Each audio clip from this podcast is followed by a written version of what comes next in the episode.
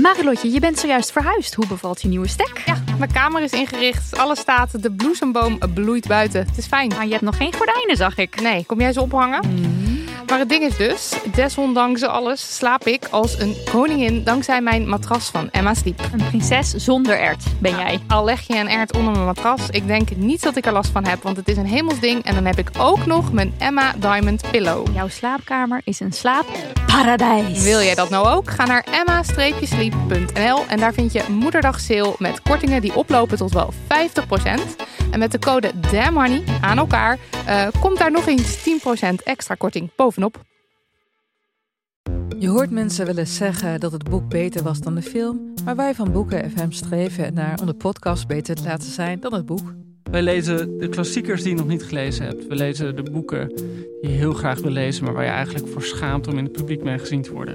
We lezen de Libris-winnaars. Uh, we praten over de Nobelprijslariaten. Allemaal zoals je een etentje hebt dat je moeiteloos mee kan praten en dat het lijkt alsof je helemaal belezen bent. Wij zijn Ellen, Joost en Charlotte van Boeken FM en je kunt ons luisteren in je favoriete podcast-app. Voordat we beginnen gaan we vragen om geld. We dachten dat het niet meer nodig was, want ene Jonathan uit Amerika doneerde opeens 50 euro per maand via Patreon. Wie is deze heilige, dachten wij. Jonathan, jij saint. Dank. Duizendmaal dank. Bleek een Amerikaan te zijn die hoopte op gratis pornografische content. Maar ja, we staan wel in onze onderbroek op de foto. We hebben dus nog steeds geld nodig. Ga naar patreon.com slash damnhoney en doneer. Of niet, zelf weten. Het komende uur ben je weer onder de pannen, want je favoriete podcast is weer daar. Damn, honey.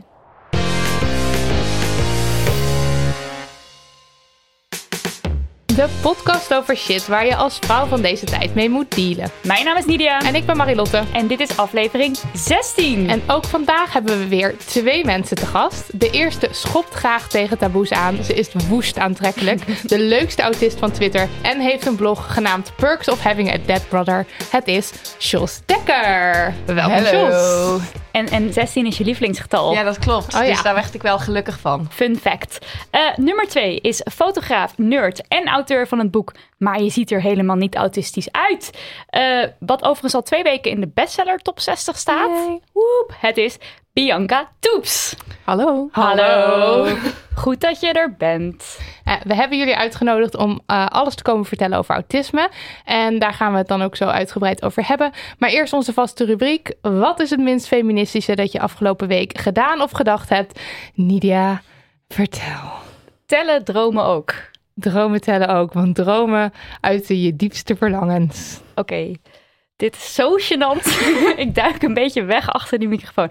Oké, okay, uh, ik droomde laatst dat ik meeliep in een soort protest tegen Forum voor Democratie. En uh, nou, so far so good. Ik kan het zeggen. Uh, vervolgens kwam er een soort uh, oppakmoment. Dus iedereen die dan aan mijn kant stond, werd, werd opgepakt en in een huis gezet. En daar waren ook Forum voor Democratie mensen. Dus ik besloot me voor te doen als een Forum voor Democratie persoon. En vervolgens eindigde het dat ik seks had met Thierry Baudet. Verrader. Op de piano? Om, om zeg maar, maar nee, dat Rook naar ja. lavendel. en dit alles om dan maar te over te komen als iemand die erbij hoorde. Uh, ik was een overloper. overloper. dat is echt heel gênant. Uh, Marilot. Uh, ja, um, ik was op vakantie afgelopen week in Griekenland. En uh, ik was daar constant super verbaasd dat bepaalde mensen vrouwen waren. Uh, we gingen tanken en dan kwam er iemand helpen, weet je wel, met, met dat ding in de... Ik heb geen auto of rijbewijs, kan het allemaal Met die slang Met die in slang dat gat. in dat gat. En ik ging er gewoon vanuit, dat zal wel een man zijn. En ik draai het raampje over en ik kijk de persoon aan. Het is een vrouw. Ik was helemaal verbaasd. Ik had dit met... Vrouwen uh, en auto's. Vrouwen en auto's, dus vrouwen bij een tankstation. Ik had dit met een herder aan de, aan de rand van de weg die bezig was met schapen. Vond ik ook heel raar opeens dat het een vrouw was. Uh, ik had het met een wielrenner die in zijn een, haar eentje... haar eentje langs de weg reed. En uh, het was een hele drukke, gevaarlijke weg. Ik dacht alleen een man is uh, zo, uh, zo dom om langs, langs zo'n drukke straat te gaan rijden. En ik had dit ook met een, even denken, een vrachtwagenchauffeur. Vond ik ook raar. Ik was gewoon de hele tijd super verbaasd dat zoveel vrouwen blijkbaar zoveel mannelijke beroepen kunnen uitoefenen. Dat was mijn minst feministisch. Bianca. Ja, ik heb er even over nagedacht, want jullie hadden natuurlijk deze vraag gemaild. Um, En ik denk eigenlijk dat het minst feministisch is dat ik mezelf niet zou omschrijven als feminist. Ehm, omdat ik, ehm, niet omdat ik niet geloof in gelijkwaardigheid tussen mannen en vrouwen, maar omdat ik vind dat eh, vooral in de laatste jaren het, het label feminisme ehm, door een aantal mensen in die groep nogal, ja, daar heb ik niet al te beste ervaringen mee. Eh, ik vind het vrij sectarisch. Hmm. Er zijn, ehm, zo, zeg maar, ik ben ook niet een heel erg een voorstander van identiteitspolitiek. En zodra je in ogen van sommige mensen iets zegt wat, ja, wat niet klopt met hun mening, dan moet je kop eraf en dan komt er Mm. een soort Twitter-mop op je af. Dus ehm, ik bedenk heel graag mijn, mijn eigen standpunten op allerlei onderwerpen zonder mij eh, daardoor, ja, daarvoor in een soort titel of hokje te laten stoppen. Duidelijk. Duidelijk. En, En heel begrijpelijk, Ja, denk ik ook. kan hier alleen maar... eh, Jos. Nou, ik ben gaan nadenken en ik kwam erachter dat ik dus een hele hoop heb. Ehm, ik woon begeleid, eh, wat betekent dat ik een aantal eh, contacturen in de week heb waarbij ik begeleiding krijg. Maar ik eet ook twee dagen in de week mee op een groep eh, en ik sport met ze, maar het zijn allemaal mannen. En ik ben lesbisch en zodra ik een, stap, de, zeg maar de drempel overstap, word ik vrouwonvriendelijk. Dan word ik echt... Ik zeg, ik zeg over elke vrouw, hoe, maakt niet uit hoe ze eruit ziet, dat ik er wel zou doen. Ik objectificeer enorm. Ik heb een vrouwelijke collega waarvan ik niet hoop dat ze dit luistert, waar ik een beetje verliefd op ben. Nou, wa- wat ik daar allemaal over zeg tegen collega's, het kan echt niet. Als een man dit was geweest, was hij opgepakt. Maar gelukkig kom ik ermee weg. Ehm, maar daar mag ik wel wat meer op gaan letten. Oké, Lovely. dat is lovely, ja. Oké, tijd voor post. We kregen een brief van Nienke. Ik ga voorlezen. Eh, lieve Nidia en Marilotte. Ik werk samen met mijn huisgenoten bij een studentenbedrijf. We werken afwisselend als nachtbewaking bij de filmset van Hollands Hoop. Je moet er dan van 7 uur s avonds tot 7 uur s ochtends zijn. Een paar van mijn mannelijke huisgenoten, normaal maak ik niet echt onderscheid, maar voor het verhaal is het jammer genoeg nodig, waren al een keer langs geweest om te werken sinds de set draaide. Ik alleen een keer toen de set er nog niet was. Eh, net zoals de keer ervoor kwam ik aangereden met mijn spullen om de nacht door te komen. Maar tot mijn grote verbazing gaf een man op de set mij schoonmaakspullen om heel de set schoon te maken, inclusief de wc's. Want ik had toch niks te doen, al dus die man. Dit vond ik heel erg raar. Ten eerste omdat dat duidelijk niet in mijn contract stond. En ten tweede omdat deze schoonmaakklus niet iets was dat van mijn mannelijke huisgenoten verzocht werd. Toen ik mijn baas opbelde, was hij ook erg verbaasd. Van hem hoefde ik het dan ook niet te doen. Voordat ik hem belde was ik al begonnen, dus ik had wel alle vloeren gestofzuigd. Waarom deed ik dat? Terwijl ik wist dat dat niet hoefde. Vraagteken, vraagteken, vraagteken. Eh, maar in de ochtend kwam de man van de filmset weer terug en vroeg mij hoe het met het schoonmaken was gegaan. Toen ik hem vertelde dat ik alleen de vloeren had gedaan, omdat mijn eigen baas me had verteld dat ik het niet hoefde te doen, werd hij onaangenaam geïrriteerd, omdat ik niet had geluisterd naar hem. Ik vertelde hem dat mijn shift erop zat en dat ik weer naar huis ging. Nou, dit is natuurlijk al kut. Maar Jammer genoeg is dit niet eens het vervelende van dit verhaal. Ik was vanmiddag aan het lunchen toen ik werd gebeld door mijn baas met een vervelende boodschap. De mensen van bovenop op hadden zich bedacht, ze willen geen meisjes meer als nachtbewaking, waardoor alle meisjes ontslagen zijn. Dit zijn er zeven. Toen ik zei dat ik dat erg ongeëmancipeerd vond, was mijn baas het met me eens, maar hij vertelde dat hij er niks aan kon doen. Als reden zei hij dat ze graag echte gasten wilden, omdat die dat goed zouden kunnen. Op dat moment was ik gelukkig met een lekker feministisch gesprek met een vriendin bezig. Dat staat er niet, sorry. Afleidend, maar oké, ja. Eh, die mij aanmoedigde me niet zomaar weg te laten zetten. Dus vandaar deze brief. Ik wil hier wat aan doen, want volgens mij is discrimineren op basis van geslacht niet in lijn met de eerste grondwet. Eh, verder dan dat kom ik alleen niet. Ik wil heel graag wat doen, maar weet niet precies hoe of welke stappen ik kan nemen. Hebben jullie misschien advies voor mij? Dikke kus, Nienke. Hmm, wat een Ja, nou, Hooivorken. brief. Hooivorken, ja. precies. Nou, ten eerste, wij zijn hele slechte raadgevers geweest. Want deze brief kwam al een maand geleden binnen en we hebben er niet op gereageerd. Sorry Nienke, dat is natuurlijk al heel schandalig. Eh, maar afgelopen week kwamen we opeens die brief weer tegen. En toen schoten we, schoten we in de actiemodus van oké, wat zou Nienke kunnen doen? Ja, ik, Marilotte had een briljant idee. ik greep, ze moet naar de politie. Want ik ken daar iemand. Ik dacht, daar kunnen ze vast wel iets doen. Dit is hartstikke illegaal.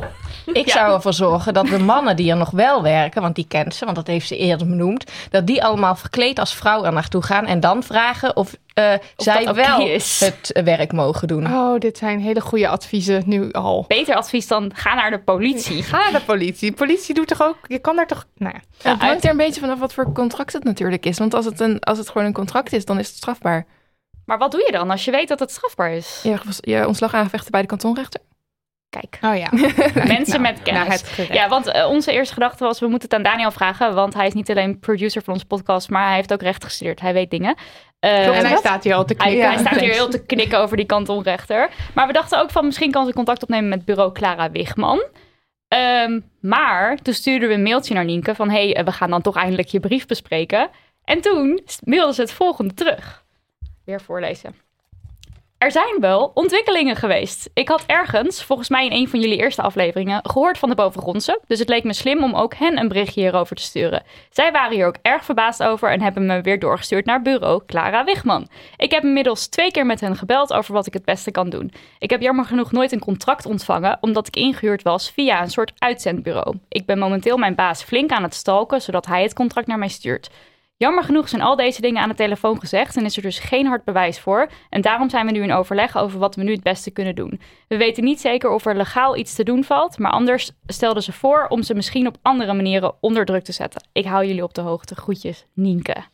Ja, is Nienke lekker bezig. En ik zou anders Tim Hofman inschakelen met Oh, Boos. Boos. Want die doen, zeg maar, ze waren laatst ook met de HEMA. En dat was ook niet een waterdicht verhaal dat ze gelijk moesten hebben. Maar wel gewoon te laten zien wat hier gebeurt is gewoon Ja, niet Ja, oké. En dan Heel gewoon goed. eventjes bam in de media. Ja, Ja, dus we, ja, we hebben niet per se heel veel extra. Ja, dit boos vind ik wel goed advies overigens. ja en ook dat van dat verkleden. Ja. Dat Maar we zijn vooral heel benieuwd naar hoe het verder gaat. En voor mensen die een gelijk verhaal hebben, eh, wees als Nienke. Dus gewoon Eventjes doorpakken. erin. Ja, en ook nog even voor mensen die bureau Clara Wigman niet kennen. Eh, dat bureau ondersteunt principiële rechtszaken waarin de rechtspositie van vrouwen centraal staat. Dus het is ook heel slim om contact met ze op te nemen. Ja, en in ieder geval kunnen ze je verder helpen. Ja. Bij wat voor stap dan ook. Ja, maar wel kut dat dit natuurlijk nog steeds gebeurt. Eh, meer post. Ja, van, eh van Madike. Die ga ik even voorlezen. Hoi lieve Dam Honey. Hier het stukje dat ik jullie podcast natuurlijk geweldig vind. Cute. ik, ben zes, ik ben 16 jaar. Ik identificeer me als non-binair. En laatst ben ik samen met mijn vriend naar Merel in Paradiso geweest. Merel. Eh, waar ik, sorry, moest ik even... Ja, precies. Waar ik echt de tijd van mijn leven heb gehad. Omdat ik het zo leuk vond, heb ik naast een shirt ook de geweldige Hou je bek en bef me onderbroek gekocht. Omdat ik het een toffe set vond, mezelf even stoer voelde en vond dat het wel even tijd was voor een stukje body positivity van mijn kant. Ik worstel al jaren met verschillende onzekerheden. Besloot ik een foto te pos- posten op Instagram. Ondanks dat ik een beetje gewend was aan een overload aan feminisme en body positivity door mijn social media bubbeltje, was ik ook wel realistisch en wist ik dat er wat opmerkingen zouden komen. Nou, die kwamen er. Ik kreeg van voornamelijk jongens bij mij op school die ik niet eens ken en die mij niet eens volgen, allemaal comments als keg, dat ik naar de psycholoog moet of zak my dik. Naast het te bedanken voor dit aanbod, te melden dat ik al een vriend heb en nadat mijn vriend zelfs nog een discussie met een van deze jongens aanging, heb ik het maar gelaten. Maar toen ik vanochtend wakker werd, was de post opeens verwijderd. Iemand, vrij zeker iemand van mijn school, aangezien de rest van mijn kennissen wel goed reageerde, heeft dus mijn post gerapporteerd en dat vind ik echt een heel groot probleem. Ik heb de post natuurlijk opnieuw geplaatst, want zo makkelijk komen ze niet van me af. Ik vind het nogal een groot probleem dat er dus nog zoveel jongens zijn die blijkbaar thuis niet leren hoe je om moet gaan met vrouwen, zeker als je ze niet kent. En met, en met dit soort situaties en foto's. De foto is compleet niet seksueel, ondanks de ludieke leus hou je bek en bef me, die ik eerder zie als een sterk antwoord op alle mannen in de muziekindustrie die continu zak mij dik en dergelijke roepen. Ik vroeg me af of jullie tips hebben over hoe ik de jongens en meiden uit mijn klas en bij mij op school een stukje feminisme mee kan geven. En wat vinden jullie over jongeren die zich nog steeds zo gedragen? Ik ben erg benieuwd. Alvast bedankt. Liefs, Madike. Nu moet ik hier ook nog eventjes bij zeggen dat we, voor, ehm, dat we deze brief dus ook een maand geleden binnenkwam. Zijn Sorry, Madike. Slechte mensen geweest. Sorry, Madike. Eigenlijk is deze podcast een maand geleden Ja. opgenomen. Dan lopen we synchroon. Eh, maar we hebben het druk. Dus sorry mensen. Ehm, en toen ik Marieke om toestemming vroeg om eh, de brief te gebruiken en te bespreken in de podcast, kwam hen met nog wat ontwikkelingen in de zaak. Namelijk, Ehm, graag wil ik nog even toevoegen dat inmiddels de foto nog vier keer verwijderd is. Ik heb hen ook nog niet opnieuw ik heb hem ook nog niet opnieuw gepost omdat ik bang ben dat mijn account verwijderd wordt. En ik ben er ook achter gekomen dat er geen manier is waarop je in contact kan komen met Instagram om het bijvoorbeeld op te lossen. Ook aangezien volgens de Instagram website mijn foto helemaal niet de regels overtreedt. En dat vind ik best wel raar. Dat is ook raar. Dat is ook raar. Eh, Ja, wij hebben die foto ook gezien. Het is gewoon een foto van een meisje in een onderbroek met een t-shirt aan. ja, dat is het. En dan staat daar hou je bek en bef me op, Op die onderbroek. ze is, hen is 16, toch? Oh ja, Dus dan ga ik ervan Ja. uit dat je op de middelbare school zit. In dat Ja. geval zou ik, maar daar moet je wel ballen voor hebben, naar een docent toe gaan en zeggen hoe het zit. En dat de docent je gaat klassikaal gaat vertellen dat het niet is de vrouwen die zich moeten aanpassen eh, naar de man, zodat ze niet meer hoerig zijn. Of dat ze geen korte rokken moeten dragen, omdat ze dan verkracht kunnen worden. Maar juist dat daar wordt uitgelegd dat het de mannen zijn die moeten leren dat je niet verkracht en dat je geen keg onder een Instagram-post zet. Precies. En eh, ik- ze zal, hen zal er waarschijnlijk zelf niet per se iets als persoon, als individu kun je er misschien niet per se iets aan doen. Maar je kan er wel voor zorgen dat of je docenten of misschien als je een brief stuurt aan de rector eh, of eh, aan, je, aan je mentor laat weten, eh, kun je er misschien wel voor zorgen dat het op de kaart, dat dit onderwerp op de kaart komt te staan in je, in je school en dat er misschien iets mee gedaan wordt in de lessen. Ja, Want- je kan volgens mij ook wel gastlessen aanvragen over eh, eh, seksualiteit of over feminisme. Daar bestaan mensen over. Er bestaan mensen die dat voor jou kunnen komen doen. Ja. Zoals de COC doet dat, geloof ik. En Sex Matters doet het ook. Ja, en eh, misschien zijn er schrijvers of zo die je wel uit wil nodigen. Kun je altijd een berichtje sturen en die dan een gastles komen geven. Ja, ehm, en ook als er docenten luisteren of mensen die veel werken met jongeren. Ik zou zeggen, neem, onderneem actie, want dit zijn dus dingen die gebeuren. Ja. Ehm, Maar even een kleine mini-kanttekening. Omdat jij net zei, ze is 16, dacht ik, oh, is daarom misschien de post verwijderd? Omdat je, als je dan minderjarig bent en de tekst kan opvatten als seksualiserend, het gaat namelijk wel over seks, Mhm. dat het misschien daarom verwijderd is? Omdat, ze misschien, omdat het een Omdat ze 16-jarige niet is? ja. Jarig is. Nou ja, dan zou Instagram daar in ieder geval regelgeving voor moeten hebben. Hebben ze die niet dan? Ja, blijkbaar heeft zij die regels doorgenomen en overtreedt ze niks. Het is ook natuurlijk echt dat eventjes nog los dat je Instagram niet kan bereiken, is natuurlijk ook Ja, best dat wel is super up. irritant. Dat is echt heel erg raar. Ja, en het is niet Instagram die de poster zelf heeft afgehaald waarschijnlijk. Hij is is, hij is inderdaad door iemand aangeklikt. Ja. Als- Want anders wordt het er niet afgehaald. Ja. Dit is aanstootgevend. Ja, Ja, zoiets. Precies. Nou, Dus- ik weet niet, want ik heb ooit een keer een foto op Instagram gezet van een t-shirt. En het t-shirt had een borstenprint. Oh, en dat ging er al En die is, die is Oh. er afgehaald. En ik denk niet dat iemand die heeft geflagd. Ik denk toch dat daar een soort Algoritme. algoritme, beelddetectie, Oh. dat Ja. die post heeft gedetect ooit. Ja. Want ik kan me niet voorstellen dat iemand een t-shirt zou flaggen. Het was echt heel dom. Ja, dat kan ik me wel voorstellen. Ja, oké. Dus eventjes... Maar bij deze post denk ik dat niet. Ik denk het ook niet. En ook omdat hij nu al vier keer is verwijderd, vind ik... Maar we hebben wel een idee, hè? We gaan hem zelf nog even posten. Ja. Vanuit Damn Honey. Ja. Kijken wat er gebeurt. ja, dat mag toch? Als hij daar wordt weggehaald. Nee, ja, hebben we de toestemming als het dezelfde Oh, we hebben nog geen toestemming. Oh, sorry. Ik Ah, heb maar die maar- kun- Maar Eerst die kan- toestemming. als je dit hoort, we hebben je een mailtje gestuurd of we mogen posten. Dus dat willen we graag doen. Wil je nog wat zeggen? Nou, ik wil zeggen dat als het dezelfde foto is, dat het- ik weet niet, dan zou het technisch kunnen dat, dat ze die herkennen als dezelfde foto. Oh, en dat het dan automatisch gaat. Ja, Hmm, Maar ook maar dat weet ik weet het niet. Ik ben alleen maar eventjes de advocaat van de Maar duivel aan het spelen. Zo heb ik ja, exact. dus. Nee, maar ik, daarom denk ik, het zou ook kunnen dat het zo zit. Maar dat, het zou ook heel goed kunnen dat haar klasgenoten dit geflagd hebben, natuurlijk. Ja. Ah, ik heb wel, want wij hebben bij ons is een keertje een foto eraf gehaald. En die heb ik toen uit een soort recalcitrantie er weer opgezet. Die is er nooit meer afgehaald. Dus ja, is Maar ja, het gaat ook niet per se natuurlijk om of die er wel of niet. Het gaat ook En om op de mijn reacties van de... de- Op mijn Instagram staat ook een foto met alleen een onderbroek aan. Ehm, Oh. Even kijken hoor. Jij Eh, bent niet minderjarig, hè? nee, ik ben niet minderjarig. eh, maar toen ik minderjarig was, heb ik dat ook gedaan. Ja, er Een staan foto. natuurlijk ook allemaal kinderen op met hun onderbroek aan. Ja, Maar ja, goed.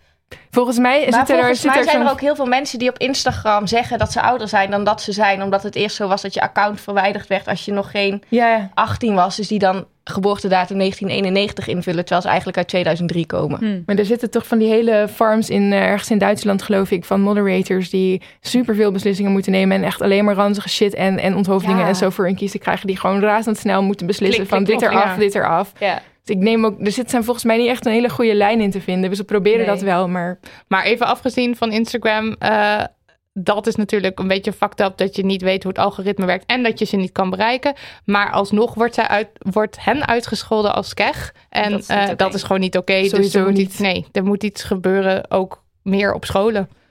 Ja. Scholen, als je luistert, doe iets. Ja.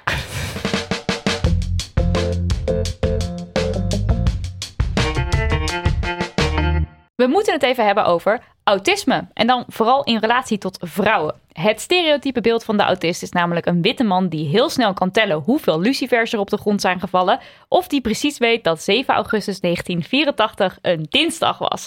Maar we zitten hier toch echt aan tafel met twee vrouwen. Dus what up? Ja, blijkt dat meneer Asperger het mis had.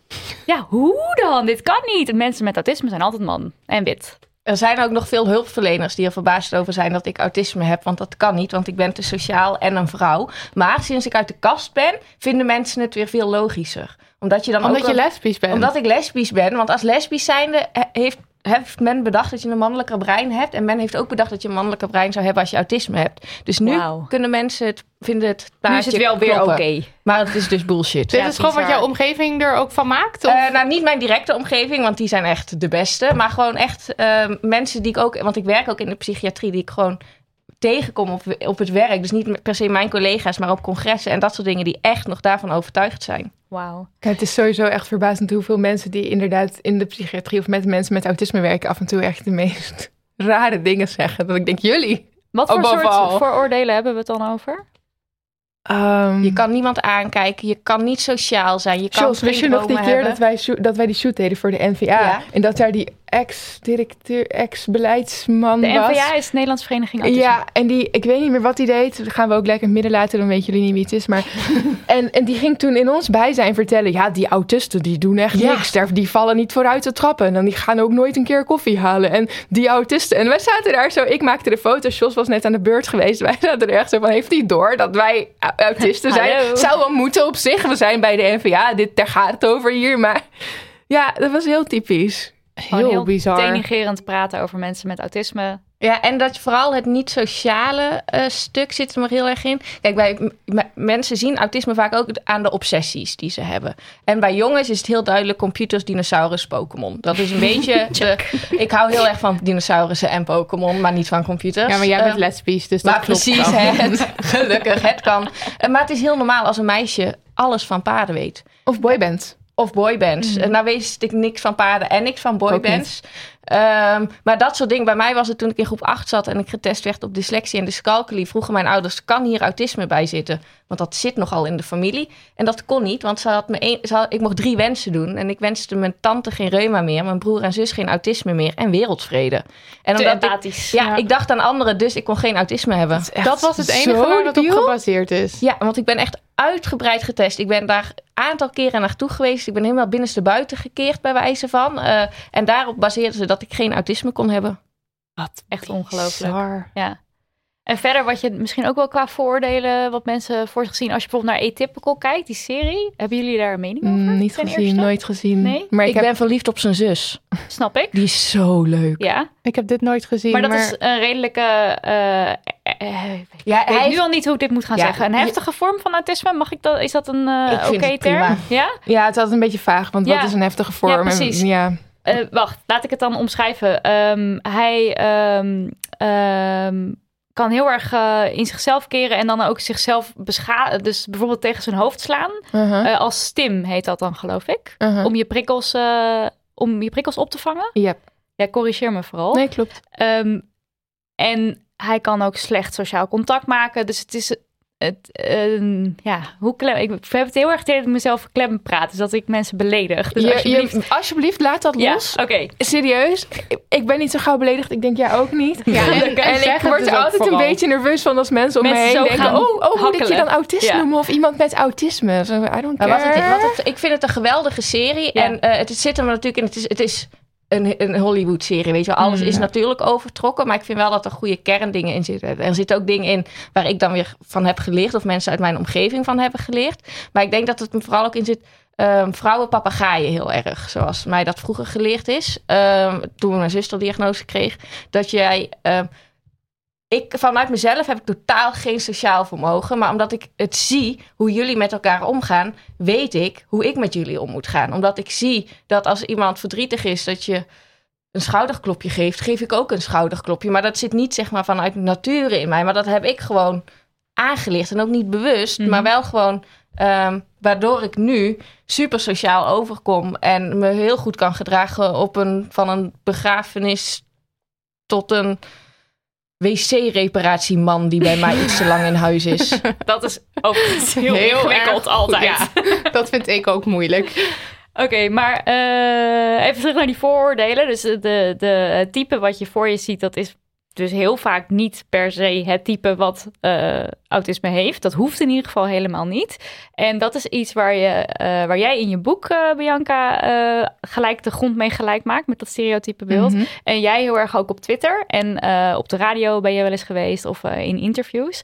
Ehm, maar kunnen jullie eerst uitleggen wat autisme überhaupt dan wel is? Het is een, ehm, ja, ik zou het zelf een prikkelverwerkingsstoornis noemen.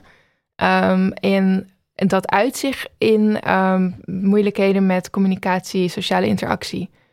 Ehm, ik geloof persoonlijk heel erg in dat eh, de basis daarvan ligt bij de prikkelverwerking. En eh, in het diagnostiek handboek is dat pas eigenlijk in de laatste versie opgenomen, dat, dat eh, over onderprikkelingsgebeuren. En ging er, werd er eerst heel erg alleen maar gekeken naar, naar de uitingsvorm, dus het sociale. En, en het, ja, het herhalende, herhalende gedrag, maar vooral moeite met communiceren. Maar ehm, ja, wat mij betreft, eh, je hebt nu een theorie, de Intense World Theory. En daar ben ik heel erg voorstander van. Daar, dat, geloof, dat voelt alsof dat klopt. En dat is dat alle prikkels ehm, heel intens binnenkomen. En dat eh, soms iemand zich daardoor juist afsluit om dat eh, eventjes te proberen om al die prikkels te stoppen. En dan lijkt iemand bijvoorbeeld totaal ongeïnteresseerd of eh, niet sociaal. Ja, want dat zit hem dan bijvoorbeeld in een afgewende blik eh, of sociale terugtrekking of gebrek aan communicatie. Ja. Dit heb ik uit jouw boek eh Ja. Nou, dan klopt het. ja, ja, dus dan klopt het. Eh, Maar dan is dus al het gedrag wat wordt gezien als niet sociaal of, of als een soort van eh, als een uiting van aut- autisme, is dus eigenlijk een gevolg van te veel prikkels krijgen. Ik denk het. Dat is, dat is de intense Of juist te toch? weinig. ja, want je Eh, kan ook onderprikkeld zijn. Oh ja, ik ben bijvoorbeeld onderprikkeld voor het hongergevoel. Nou speelt mee dat ik eh Concerta, de langwerkende variant van Ritalin, slik. En dat je hongergevoel ook niet ten goede doet. Maar ik kan drie dagen niet eten en het niet doorhebben. En er geen last van hebben. Dat is ook vaak ook omdat je andere prikkels dan zo, de overhand Ja. hebben. Dat, en dan komt er een soort algemeen prikkeldempingssysteem in je hoofd soort van in werking. Waardoor dus die hongerprikkels, nou, dat ik, Gewoon weg. het is net als alsof je echt zo'n heel klein piepje ergens hoort. Terwijl er keihard ergens anders een radio aanstaat. Dan hoor je dat piepje dus ook niet meer. Nee, nee, oké, dus dat piepje ja. is je honger. En nou ja, dan de mis je dan is de gewoon totaal. Ja, precies. Ja. En wat je natuurlijk de laatste tijd heel veel hoort, is dat iedereen zichzelf eh, op autisme loopt te diagnosticeren. Ook iets wat eh, in jouw boek voor, voorkomt, Bianca.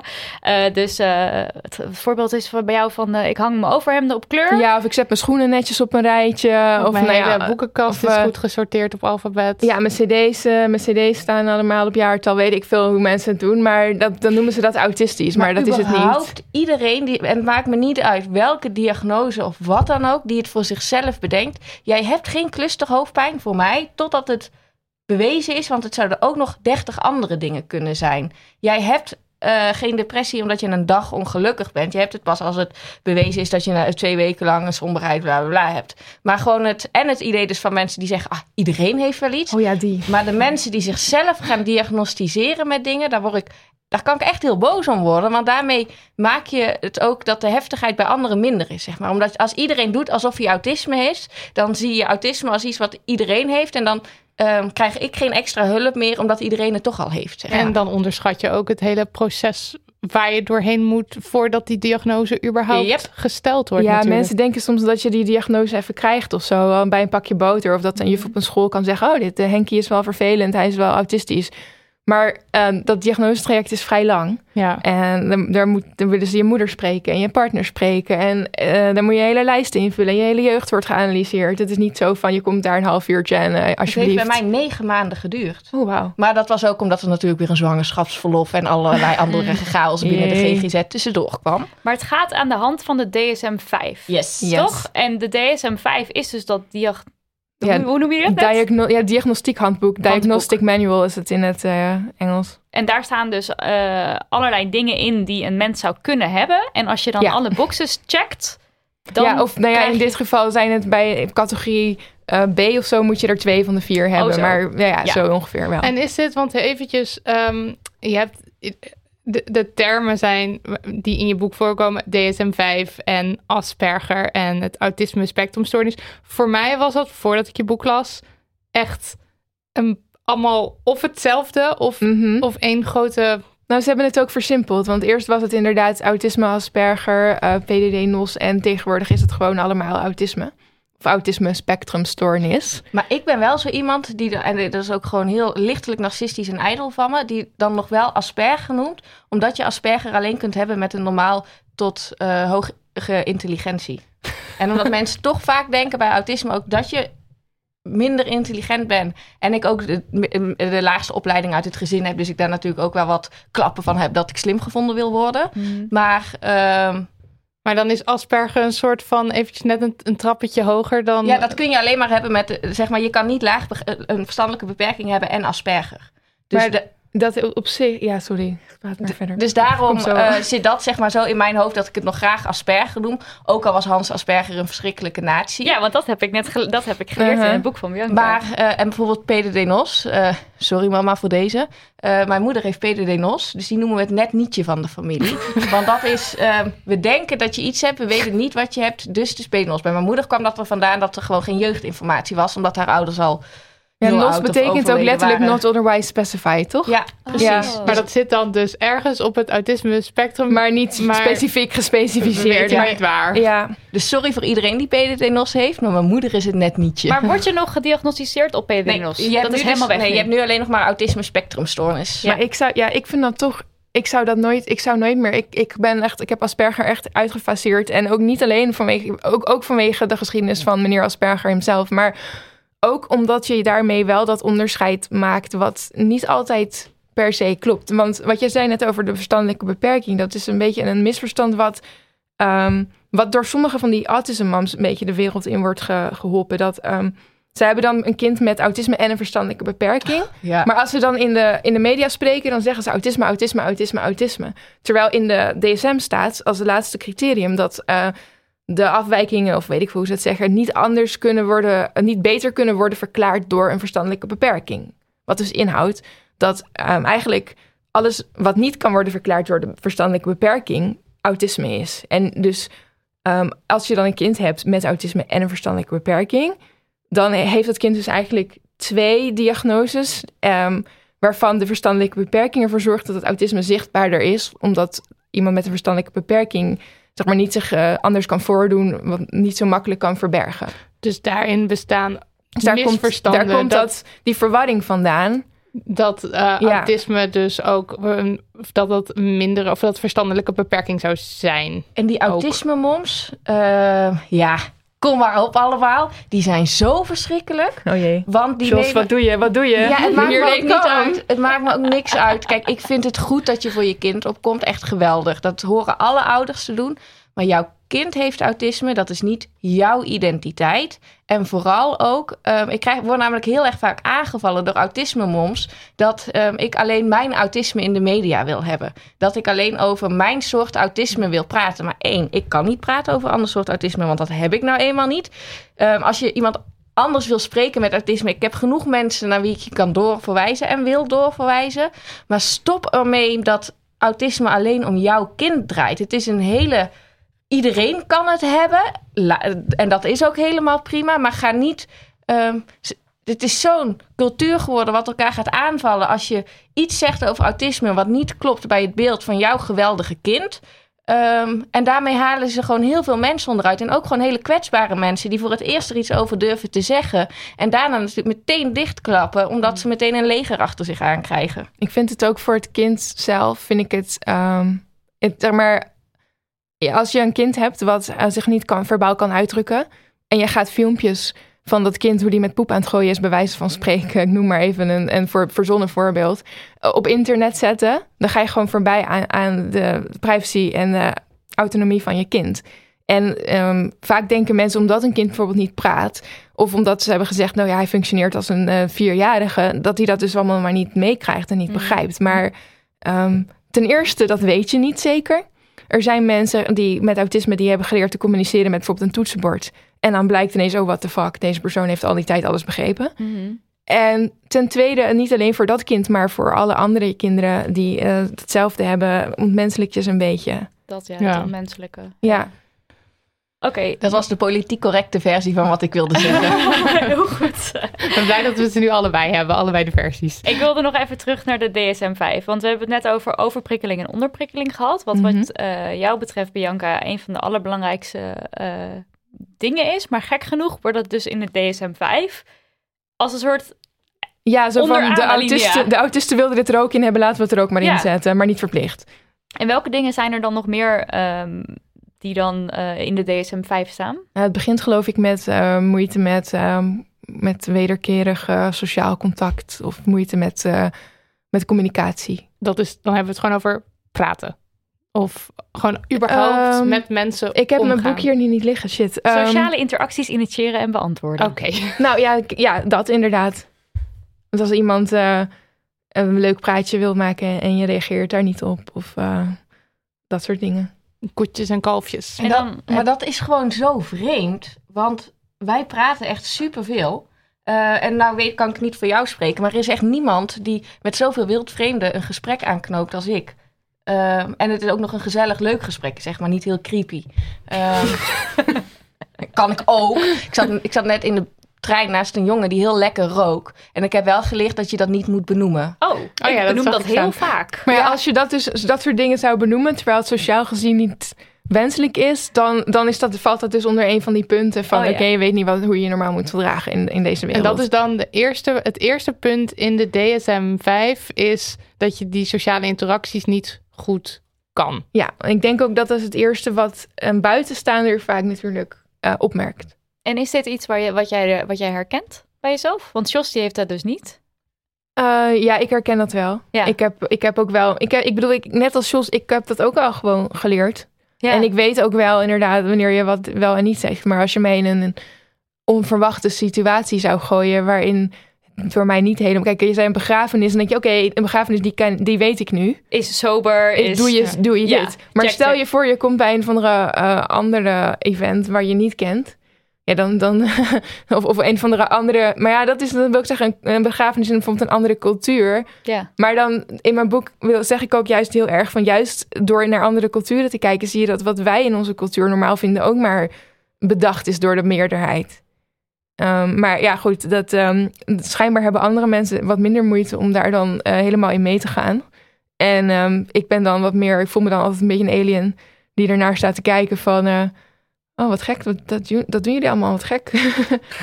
je hebt nu ook zo die, die comics op Instagram, ken je die van Strange Planet? Oh, ja, ja, ja. Ja, die Ja. zijn fantastisch. Oh, kijk, zo voel ik me dus all the time. Oké, gaan we in de show notes zetten. Ja. Voor mensen die het niet En kennen. ik heb wel moeite met, zo- zeg maar, het is niet dat ik geen moeite heb met sociale contacten, maar het is meer, ik heb geen moeite met gewoon, wanneer ik me goed voel met een gesprek met iemand aanknopen, Mhm. dan zie je echt niet aan mij dat ik autisme heb. Mhm. Maar op een ander moment kan ik ook stilvallen en is er niet meer met mij te praten, omdat het dan gewoon te druk is in mijn hoofd. En ik zeg echt altijd de verkeerde lompe dingen, eh, heel ongepast, wat je echt niet kan zeggen en dan nog tien treden verder.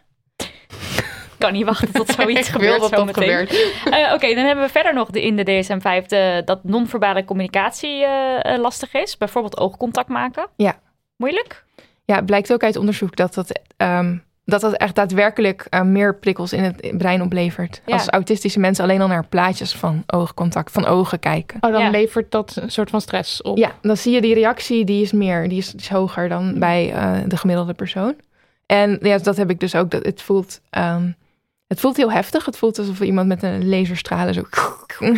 Maar eh, dan ga ik nu gelijk denken van, oh, misschien moet ik dan niet... Ja, dat dan- heb ik ook. Is, vind je dat dan fijn als ik daarop Oh, ik- inspeel? Of vind je ik, daar- kijk daar- zelf, ik kijk zelf wel weg hoor, als Oké, dus we kunnen Ja. allebei wegkijken. Je moet alleen niet, eh, niet denken dat ik een van de ongeïnteresseerde... Dus het zit hem er vooral in wat mensen ben. ervan vinden, dan dat jij het zelf vervelend vindt om weg te kijken. Ja, ik kijk net zo goed weg, maar ehm, mensen... mensen een oordeel ja, hebben. en je hebt bijvoorbeeld ehm, met, met sommige... Stel, ja, bij, bij criminele zaken of zo.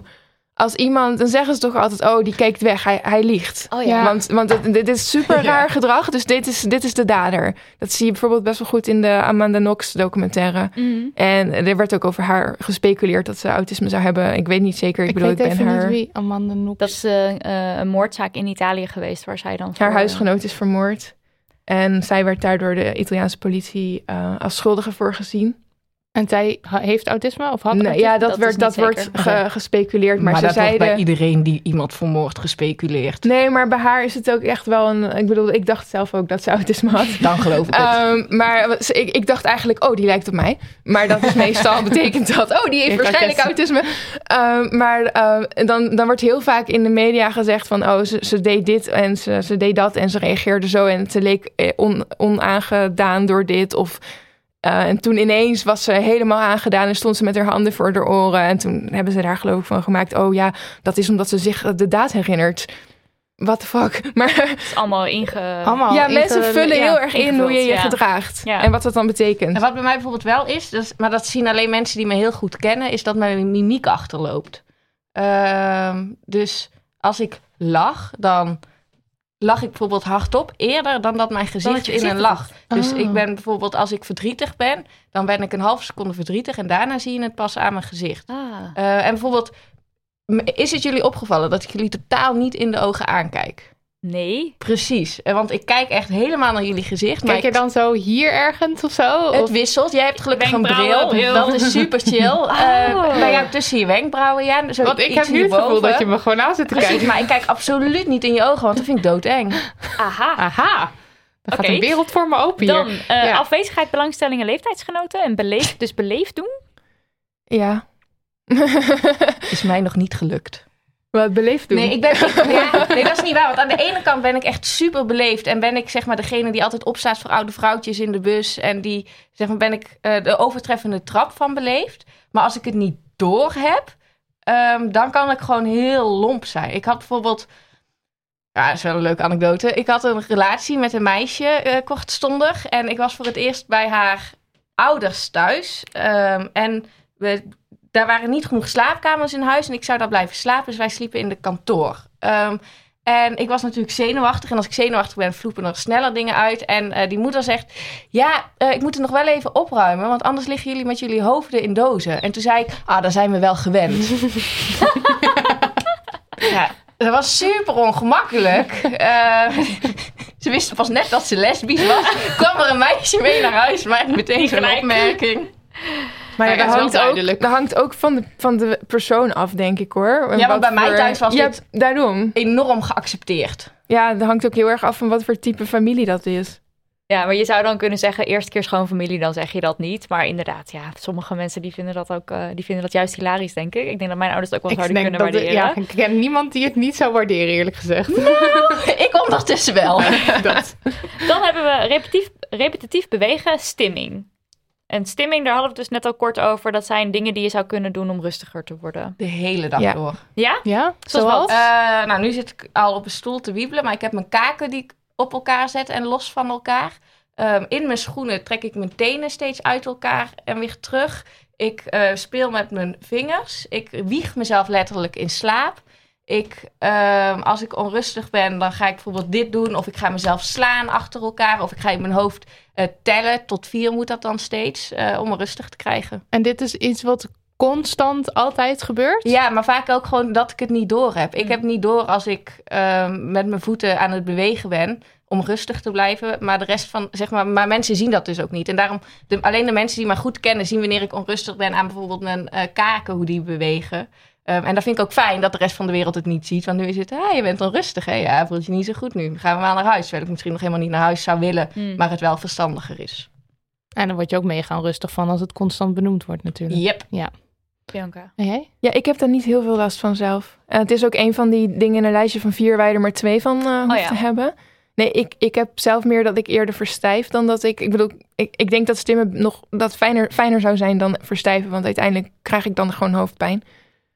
Verstijf bedoel je letterlijk je spieren helemaal strak trekken. Ja, zeg maar, er hoort op een gegeven moment een signaaltje te komen van... hey, stress mag los, weet je wel. Ontspan. En die komt dan niet. Hmm. En Dus dan zitten jouw eh, schouders helemaal eh, ja. bij je oren. Ja, Daarom, ze, ze zeggen je kan autisme niet zien, maar daar ben Maar ik je het ziet het zelf inderdaad. niet helemaal mee eens. Dus Want ik iemand kan het- loopt zo. Hoe iemand schouders in zijn nek. Ehm, Ja. Dus ik zou zeggen, organiseer een renwedstrijd en ik haal ze eruit.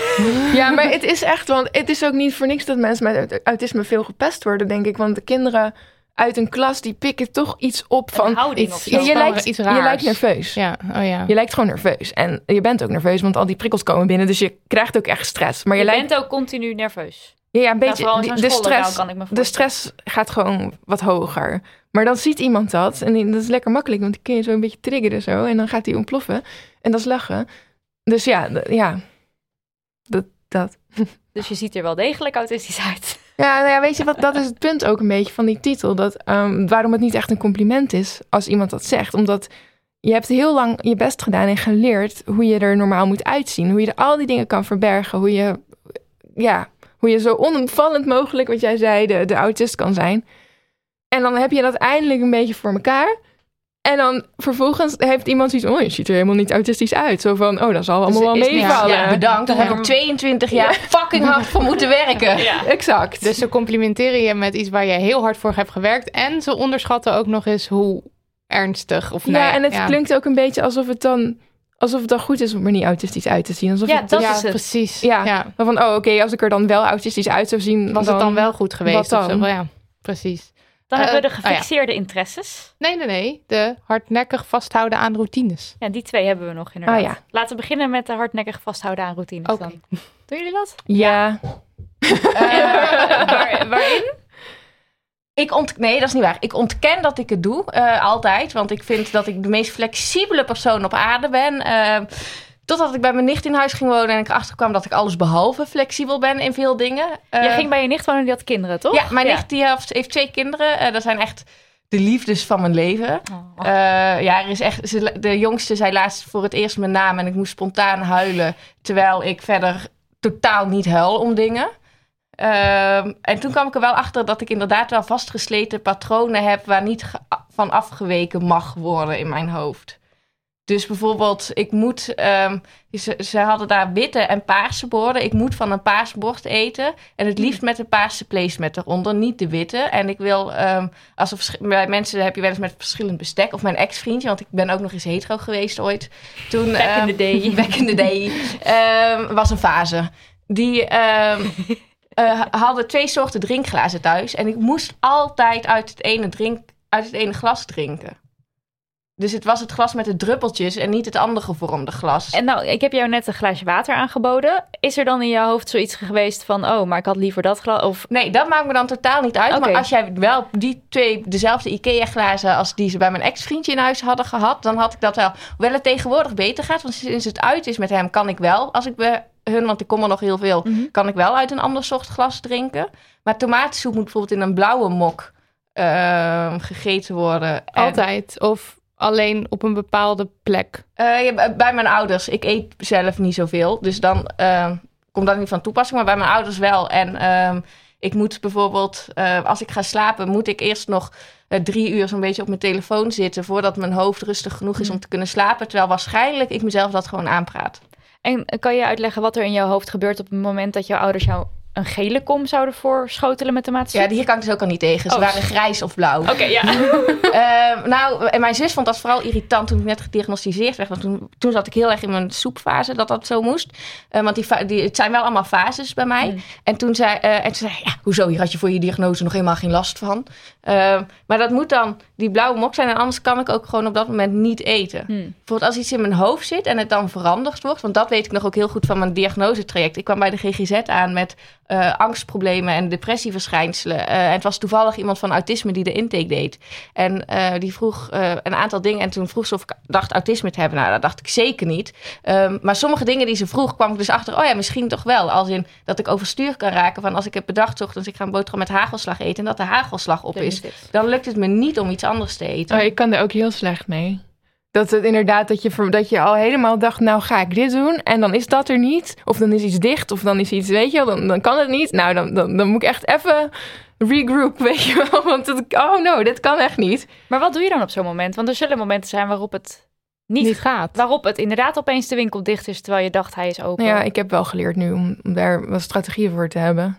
Kan Heb je, heb je altijd dan een soort van, van, van wat is het, escape plan? Als... Nou, het is meer zo. Ja, ik, ik, heb, nou, ik heb een soort stelregel die eh, is goed genoeg, is ook goed genoeg. Hmm. En ehm, dus dat probeer ik mezelf dan. En, en ik ken mezelf. Dus ik, ik heb net een, een nieuw kantoortje.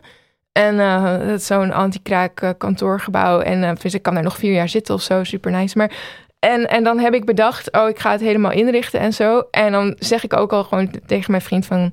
Kijk, ik weet, ik weet, ik ken mezelf inmiddels zo goed dat ik dit nu perfect wil. En dat ik ook wel weet, ergens ver weg, dat dit onzin is. En dat het eigenlijk niet hoeft. En dat het ook heus later kan. En dat er dan niks raars gebeurt. En dat het allemaal prima is. Maar dat moet ik mezelf dan wel vertellen. En soms doet hij het. En soms zegt hij dan tegen mij: Oké, maar. ehm, weet je, of, of met, een, met een planning. Dat hij zegt: Moet dit allemaal nu? Of mo- moet dit per se zo? Het kan anders. En eerst ben ik dan helemaal nee, nee, nee, nee. En dan op een gegeven moment denk ik: Oké, ja, oké, je hebt gelijk, je hebt gelijk. en het moet, zulke dan dingen lukt moeten- het om er wel mee om te gaan. nou ja ik, ja, ja, ik heb dat geleerd en het geeft nog steeds een soort van stress. En ik zou niet Ja. een baan willen waar dat de hele dag gebeurt. Oké, oh wacht, ik, dat heb ik wel. Oké. ik heb, zo- ben een fotograaf en dan heb ik altijd van die klanten. Oh, by the way, kunnen we toch dit in plaats van dat? En kan het ook dan al af? en dan zeg ik altijd, oh tuurlijk, ja. En dan daarna denk ik, shit. En dan ga je daarna eventjes terug naar je, je hoekje om dat nou ja, te dan ga, verwerken. ik, dan ga ik naar mijn mega elaborate Excel planning. Ah, En dan ga ik, of, of eh, ja, ik, ja, zeg maar Google. Maar dan ga ik dat helemaal zitten, zitten fixen tot het weer klopt. En dan is het goed. dan is het goed. En ja, als ik dat nog niet, als stel ik heb twee dagen heel druk en het is nog, ik heb het nog niet kunnen doen, dan raak ik, krijg ik echt hoofdpijn en dan raak ik helemaal overprikkeld. En, maar ja, goed, meestal is het dan ook eh, Riemer, mijn vriend, die dan zegt, ehm, je laten we even naar je planning gaan kijken, laten we dat even gaan ordenen. En dan daarna zeg ik, oh, wat fijn, dank je, ik voel me inderdaad een stuk beter elke week weer. Maar En hierin zijn we totaal verschillend. Ik kan niet, of maar ook weer hetzelfde. We hebben de structuur wel nodig, maar Mhm. ik krijg het mezelf totaal niet aangelicht. Dus ik ben iemand, ik weet nu, ik weet ook al een week dat ik morgen om eh, drie uur een afspraak heb bij mijn buurvrouw en dat mijn begeleider langskomt. Maar het lukt me niet om een van die twee af te zeggen op dit moment. Terwijl dat is tegelijkertijd. Het is je weet dat tegelijkertijd- het niet gaat lukken. Ik weet dat het Maar niet het kan gaat- niet. Ja, en het is wat ook heel ironisch is. ehm, ik kan dus niet zo goed tegen veranderingen en zo. Maar er is niemand die zo vaak een afspraak afzegt.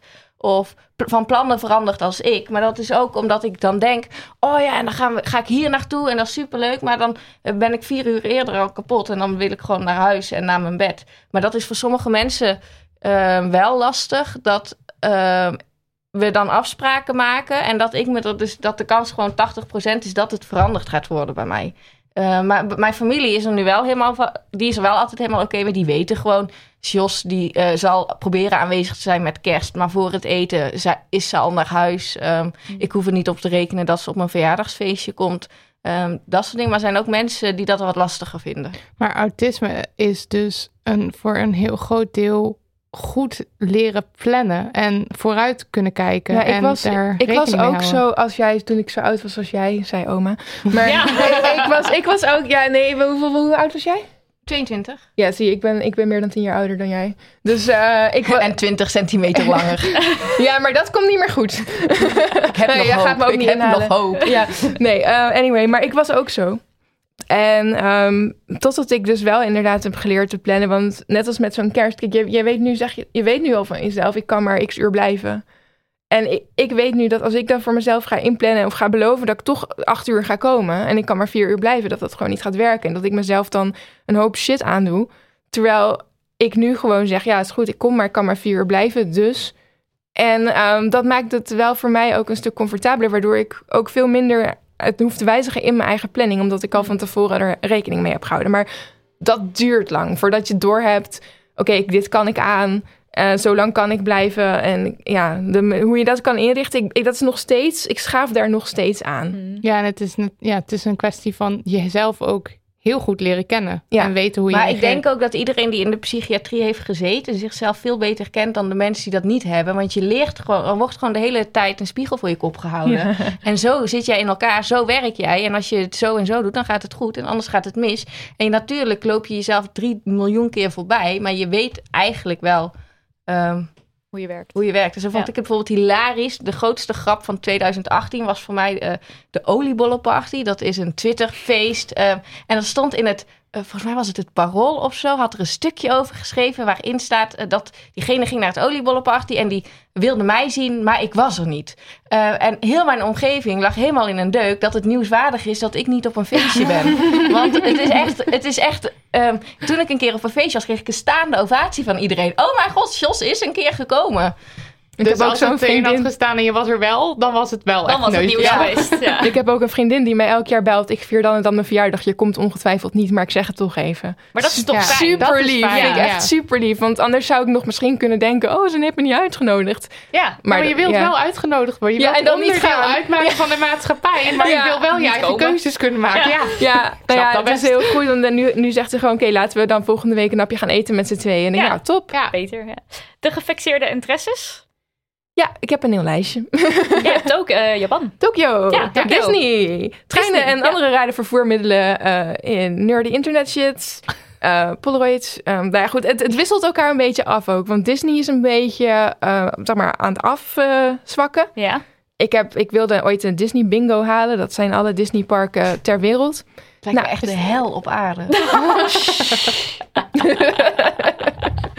Is Nee. dat, dat is nog niet gelukt of wel? gelukt? Nee, wel. Dat, dat heb ik in uh, twee jaar geleden. Heb Hoeveel ik zijn hem, er er? Zes.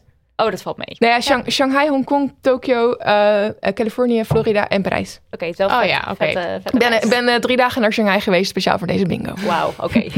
Yo, ga even naar Shanghai. Ja, ik was al in Tokio, dus het was niet zo ver. Maar, um, nou ja. Maar, maar, maar de, de, de- heb jij dat ook? Nou, dat is het Nee. Ehm, heb ik heel lang gedacht dat ik dat niet had. Totdat iemand mij erop wees. Jos, jij bent je eigen eh, obsessie. Je bent op sterk. Hilarisch.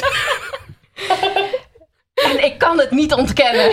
het is zo. Jouw gefixeerde interesse is Jos Dekker. Ja.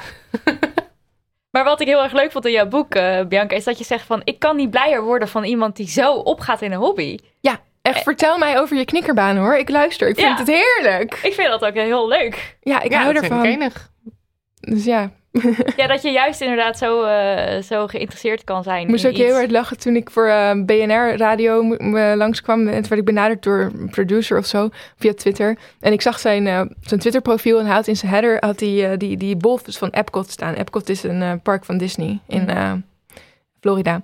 En eh, dat is zo'n zo'n bol, zo'n futuristische bol. En ik zat toch zo, oh, Epcot, good people, weet je wel. En dan meteen, ja, leuk, ik ga dit doen. Super dom eigenlijk, maar ja, We hadden meteen ook iets van Disney hier neer moeten zetten. Ja, dat hebben we niet gedaan. Nou, ik heb niet zo heel veel met, met... Ik bedoel, je kan hier Mickey Mouse zetten, maar Dat dat... werkt niet. nee, het is echt die parken.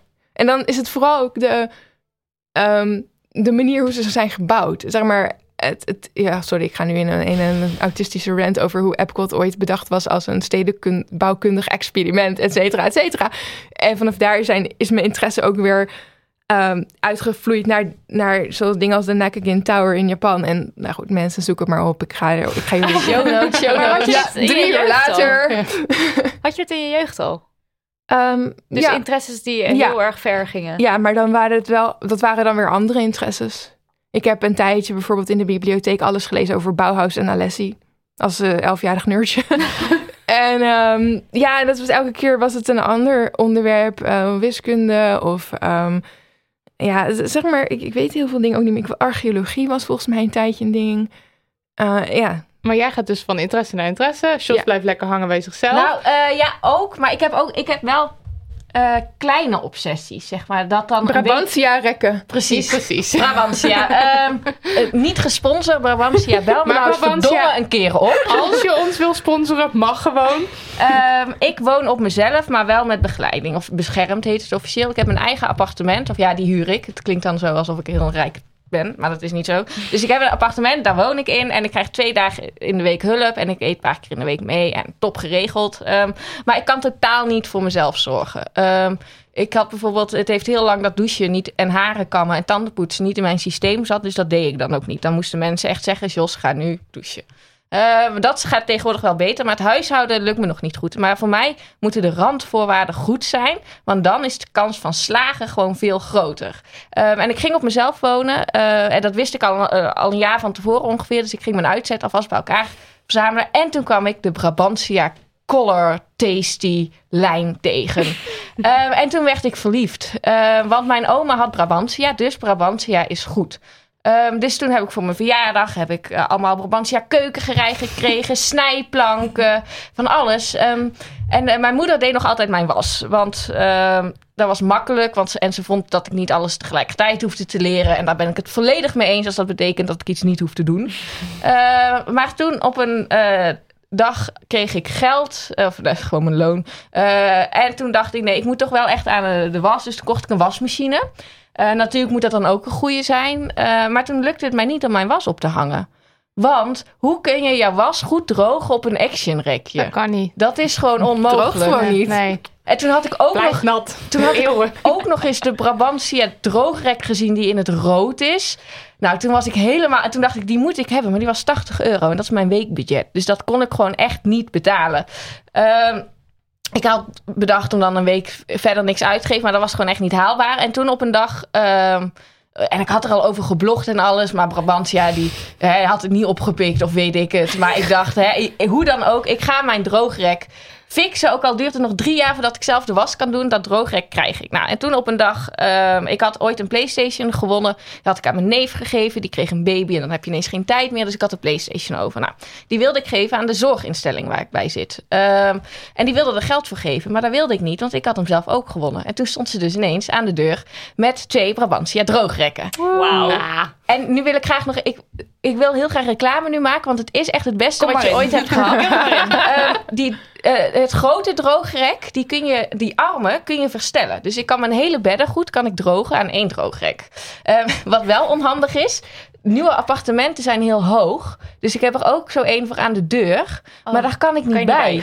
Ehm, op, ik moet op mijn trapje staan om hem op te hangen. Maar ik moet dus ook op een trapje staan om er was aan te doen en zo. Eh, en dan heb ik hem toch aan mijn deur hangen. Zodat ik er wel elke dag naar kan kijken. Maar je gebruikt hem niet. Nee, maar ik ben dus ook wel... Mijn wasrek, ook al hangt er geen was op... staat de hele dag in mijn huiskamer. Omdat ik er zo graag naar kijk. Maar verder heb je geen obsessies. Nee. Nee, dat Maar verder...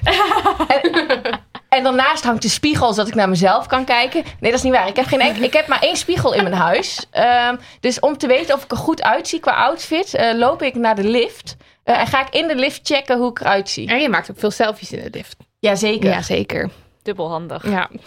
Oké, ehm, laten we lekker chronologisch gaan doen. Quote Ja. Bianca Toeps in haar boek. Yes, en dat hoofdstuk is niet helemaal chronologisch, want op een gegeven moment ga ik er doorheen met het interview met mijn vader. Ja, hoezo was dat? Ja, omdat ik niet zwaar inconsequent ben. En dan ga ik het nog vertellen ook. Eh, nee, maar we, we hebben net al een aantal dingen gehoord over jullie jeugd. Eh, even een kleine spoiler richting de diagnose. Die kwam bij jou pas op je zeventiende. Ja, ik was echt eh, een, paar ma- een maand later Ja. 18. En bij jou 25 geloof ik. op je 25ste. Maar in jullie basisschooltijd is er dan nooit iemand geweest die zei... hey, misschien heb je autisme. Ja, dat hadden ze toen nog niet echt. Tenminste, dat... Dat bestond nog niet Nou ja, ze dachten bij mij, oh, die is hoogbegaafd. Dus dat, dat verklaart alles. En daarna dachten ze, oh, haar ouders zijn gaan scheiden, dus dat zal het dan wel zijn. En ja, zo. En daarna was het, oh, ze heeft een eetstoornis, dus dat verklaart alles. En Nou, voelde jij jezelf dan anders? Ja, altijd. Al- Maar ik dacht ook zelf dat dat ook dan gewoon, dat dat betekende dat het hoogbegaafdheid was. Ja, precies. Zo heb ik het heel lang op mijn disharmonisch intelligentieprofiel gegooid. Kan je dat even uitleggen? Jazeker. Dat betekent dat ik in sommige dingen hoogbegaafd ben en in andere dingen iets minder intelligent. Eh, Zo, zoals wat? Mijn ruimtelijk inzicht is belabberd. Mijn uitvoerend vermogen is belabberd. Maar ik ben wel rete intelligent. En mijn woord, mentalig ben ik enorm goed. Eh, je moet, zeg maar, dus denkend kan ik heel goed. Het uitvoeren lukt me alleen niet. Oké. Oké. Eh, maar het grappige is, ik ben dus... ehm, bij mij was het wel bekend. Tenminste, mijn broer en zus, die zijn ouder dan ik ben. Die waren wel al gewoon gediagnosticeerd. Toen ze jong waren, toch? Echt Ja. toen ze kleuter Mijn broer tijd? was zes en ik dacht mijn zus ook. Maar dat bleek dat de eerste diagnose niet gelukt was. En ze uiteindelijk acht of negen was. Oké, ja. Maar ik vraag me af, wat hebben zij dan op die vragen geantwoord waar jij te empathisch... Ja, die hadden ze niet gekregen. Want bij hun was het dat het vanuit school gezien werd. En vanuit thuis, bijvoorbeeld bij mijn zus was het heel erg. Die had dan...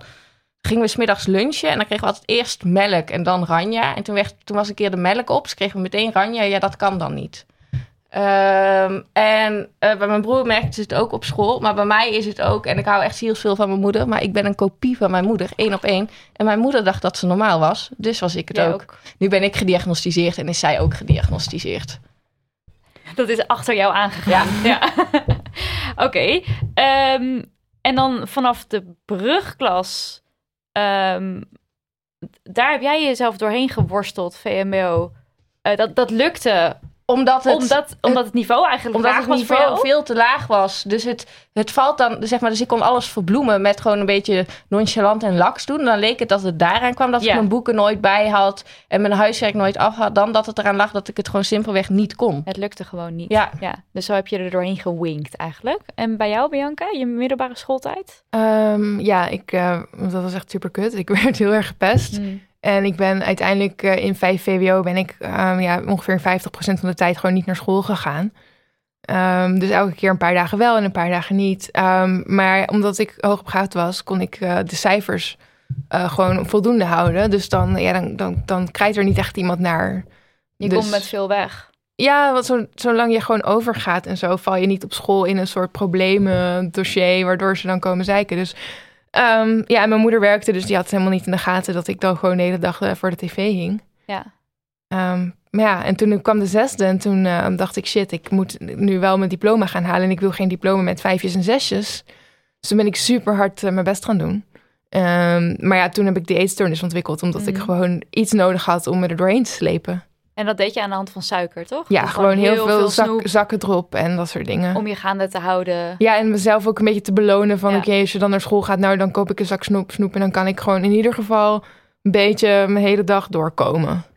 En toen heb je uiteindelijk wel je diploma gehaald. ja, dik, je- eh dik goede cijfers, jee. Hey. Gefeliciteerd. Ja, en toen was het echt zo van... We, vanuit 6V of, of eerder al ga je dan naar, naar de Erasmus Universiteit... voor zo'n open dag en zo. En eh, toen dacht ik, nou, echt niet. Gewoon, ik weet niet, maar alles in mij zei gewoon, nou, nee. Mhm. Ehm, en toen, ja, dus toen heb ik eerst nog een tussenjaar genomen. Ehm, dat ik gewoon en een beetje gaan werken, omdat ik het gewoon echt niet wist. En toen? En toen dacht, voelde ik de druk eh, vanuit ehm, mijn familie. Zo van, ga je nog eens wat doen met je leven? Dus ik dacht, nou, oké, ik ga wat doen. En toen kwamen mijn collega's aan met iets in de krant. En daar stond, eh, Belastingdienst zoekt eh, controlespecialisten. En dat, eh, ja, dat was, eh, werd betaald. Dat was eigenlijk de main thing. Één. En je studie werd betaald en je kreeg salaris. En ik dacht, nou, top. Dus dat, daar heb ik me eh, voor ingeschreven. En eh, het was een selectieprocedure helemaal doorheen gekomen. En dat heb ik anderhalf jaar gedaan. En eh, toen ben ik echt wel finaal ingestort. Want dat was gewoon echt niet... Um, tenminste, de studie zelf ging, ging echt top. Gewoon echt negens en zo gehaald. En, en eh, hartstikke leuk. Ehm, en omdat onze studieperiode was ook heel relaxed. Want het was dan gewoon... eh, maandag eh, naar Nijrode, dinsdag thuis zelfstudie, woensdag naar Nijrode, donderdag thuis zelfstudie en vrijdag naar Nijrode of naar een ander ergens een college. Dus dat was echt top voor mij, want ik kon gewoon na elke dag kon ik een dag en dan Ja. Rome. en nog in een halve dag gaan we dat huiswerk er doorheen jassen en dan en dan had ik dat ging gewoon en dan kwam dan toen daarna kwamen de stages en dan was het ineens oh ja ehm, vier vijf dagen in de week gewoon volgens mij vijf gewoon werken de hele tijd met mensen de hele tijd mensen opbellen ehm, gesprekken met mensen nou ik eh, ik, dat trok ik echt totaal niet. Ik was echt, ik durfde niks. Ik, eh, nee, toen ben ik helemaal, toen ben ik ook gestopt daar. En ehm, ja, toen kreeg ik ook, mijn eetstoornis werd ook, eh, zeg maar, het werd niet zomaar even een zakje snoep. Het werd, liep echt compleet uit de hand met wel eten, niet eten, ongezond eten, enorm drama. Dus toen, toen ben ik daarna gewoon in therapie gegaan. Ja. En is dit, want in je boek noem je eh, de autistische burn-out. Mhm. Is dit dat? Denk het wel. Achteraf gezien, ja. Alleen dat wisten we toen nog niet. En, en uiteindelijk, kijk, je moet, uiteindelijk krijg je hulp voor iets anders. Want je, of het is een depressie wat het dan wordt, of het is een borderline, of het is een eetstoornis. Uiteindelijk uit het zich op iets, in een, in een ding. Want je, Het is niet vol te houden. Nee, het is niet vol te Mhm. houden. Dus je gaat iets doen om eh, met je emoties om te gaan. Ja. En, en dat, ja, dat, daar kom je vaak, dan kom je eerst in een andere diagnose terecht. En dat, want dat is bij jou ook gebeurd dan toch, Jos? Ja, bij mij was het, ik zat, eh, ik had VMBO, was vlekkeloos gegaan. En toen werd ik aangenomen op de eh, MBO theateropleiding in Eindhoven. En eh, had ik echt super veel zin in. Ik wist gewoon al jaren van tevoren, hier ga ik naartoe. Want ik had heel mijn levensplan uitgestippeld. Ik ging VMBO doen, daarna naar ROC Artiest. Dan ging ik eh, HBO theater, theater slash theatermaker studeren. Eh, en, en die, mijn eindmonoloog zou zo goed zijn dat ik daar dan meteen mee door Nederland kon reizen. En dan kon ik ondertussen mijn tweede monoloog maken. En dan was ik gesetteld. Uh, but then life happened. Uh, en het eerste jaar heb ik me nog wel een beetje doorheen weten te bluffen. Maar het tweede jaar liep ik compleet vast. Want er werd ineens heel veel zelfstandigheid van je verwacht in de theoretische vakken die ik niet kon hebben. Ehm, het is een enorme neppe wereld. Waar ik op dat moment had ik dat niet helemaal door. Dus eh, alle tegenstrijdige signalen die ik kreeg, vond ik heel verwarrend. Het, ehm, ik vond het ook lastig dat de leraren in het weekend drugs gingen gebruiken met de leerlingen. Dat daar Wat? geen scheidslijn in zat. Ze hadden allemaal tegelijkertijd een koortslip. Geen grap. Ehm, ja, Brabant hè, kan allemaal. Nee, maar dus dat- die, die, die, die rollen, het was allemaal zo wazig. En ehm, ik was ook gewend de beste te zijn. Ehm, en nu kom je ineens in een klas met iedereen die gewend is de beste te zijn. En ik bleek dus absoluut niet de beste te zijn. En daar werd ik heel onzeker van. En op het theatergebied was ik gewoon echt wel goed. Maar er zat ook dans bij, er zat ook zang bij. Nou, ik ben motorisch gestoord. En ik heb de eerste 18 jaar van mijn leven drie octaven te hoog gepraat. Eh, dus zingen, dat werkt ook niet. Ehm, en toen ehm, kreeg ik angstaanvallen. eh, en toen zei mijn mentor: hey, eh, dit gaat niet werken. Ga naar de huisarts. Eh. Dus ik ging naar de huisarts en toen werd ik doorverwezen naar een psycholoog. En die psycholoog zei dat ik een gegeneraliseerde angststoornis had. Ehm, dat is eigenlijk bang voor alles, dus niet specifiek spinnen of iets. Ehm, en toen ging ze me EMDR-therapie geven. Dat is als je een trauma hebt, dan eh, vertel je, ga je terug, ga je trauma herbeleven en ondertussen word je afgeleid door piepjes in je oren of dat er op je hand getikt wordt of je moet een vinger volgen. En daardoor wordt de herinnering of het trauma anders opgeslagen, waardoor je er minder gevoelens bij hebt. Maar er is één ding heel belangrijk daarvoor: een trauma. En die had ik niet. Dus ik ging op zoek. Ik heb me serieus afgevraagd: heeft iemand mij misbruikt ooit? Nee, dat was het niet. Ben ik ooit echt in elkaar? Nee, dat was het ook niet. Ja, ik had wel ruzie thuis, maar ik ging echt op zoek en ik ging bijna dingen bedenken om maar aan haar te kunnen voldoen eh, dat ik een trauma had. Gelukkig kwamen er later genoeg trauma's bij, dus kan ik nu sessies vol hebben. Eh, maar toen dacht ik, ik los het zelf wel op, want dat is mijn techniek bij alles. Ehm, weglopen van alle hulp, ik los het zelf wel op. Ehm, en toen, eh, dat werkte natuurlijk niet. En toen ging ik weer, moest ik weer terug naar de huisarts van mijn, van mijn mentor op school. En toen werd ik doorverwezen naar de GGZ. En die wisten toen wel de juiste diagnose te stellen. Maar dat duurde, het duurde negen maanden, zei je net. Ja, dat is vanaf mijn eerste, eh, de eerste, mijn eerste onderzoek totdat ik erachter kwam wat mijn diagnose was, duurde negen maanden. kwam wel ook omdat er zwangerschapsverlof tussendoor zat, Ja. eh, kerstvakantie, van alles. Maar ook gewoon omdat de GGZ een enorm slechte organisatie was. Niet omdat ze het slecht wilden doen, maar omdat er zo erg op bezuinigd is, waardoor... eh, Gewoon geen tijd. Nee. nee, en gewoon Mensen. ik heb zo, er is zo, ook- en ook zoveel wisseling van eh, behandelaren. Ehm, iedereen gaat weg omdat de organisatie gewoon ehm, ja, op zijn gat lag. Ja.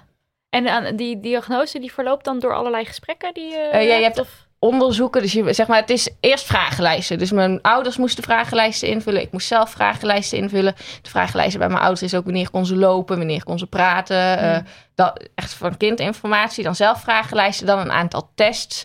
Dus hier ruimtelijk inzicht, maar ook sociale tests, dingen.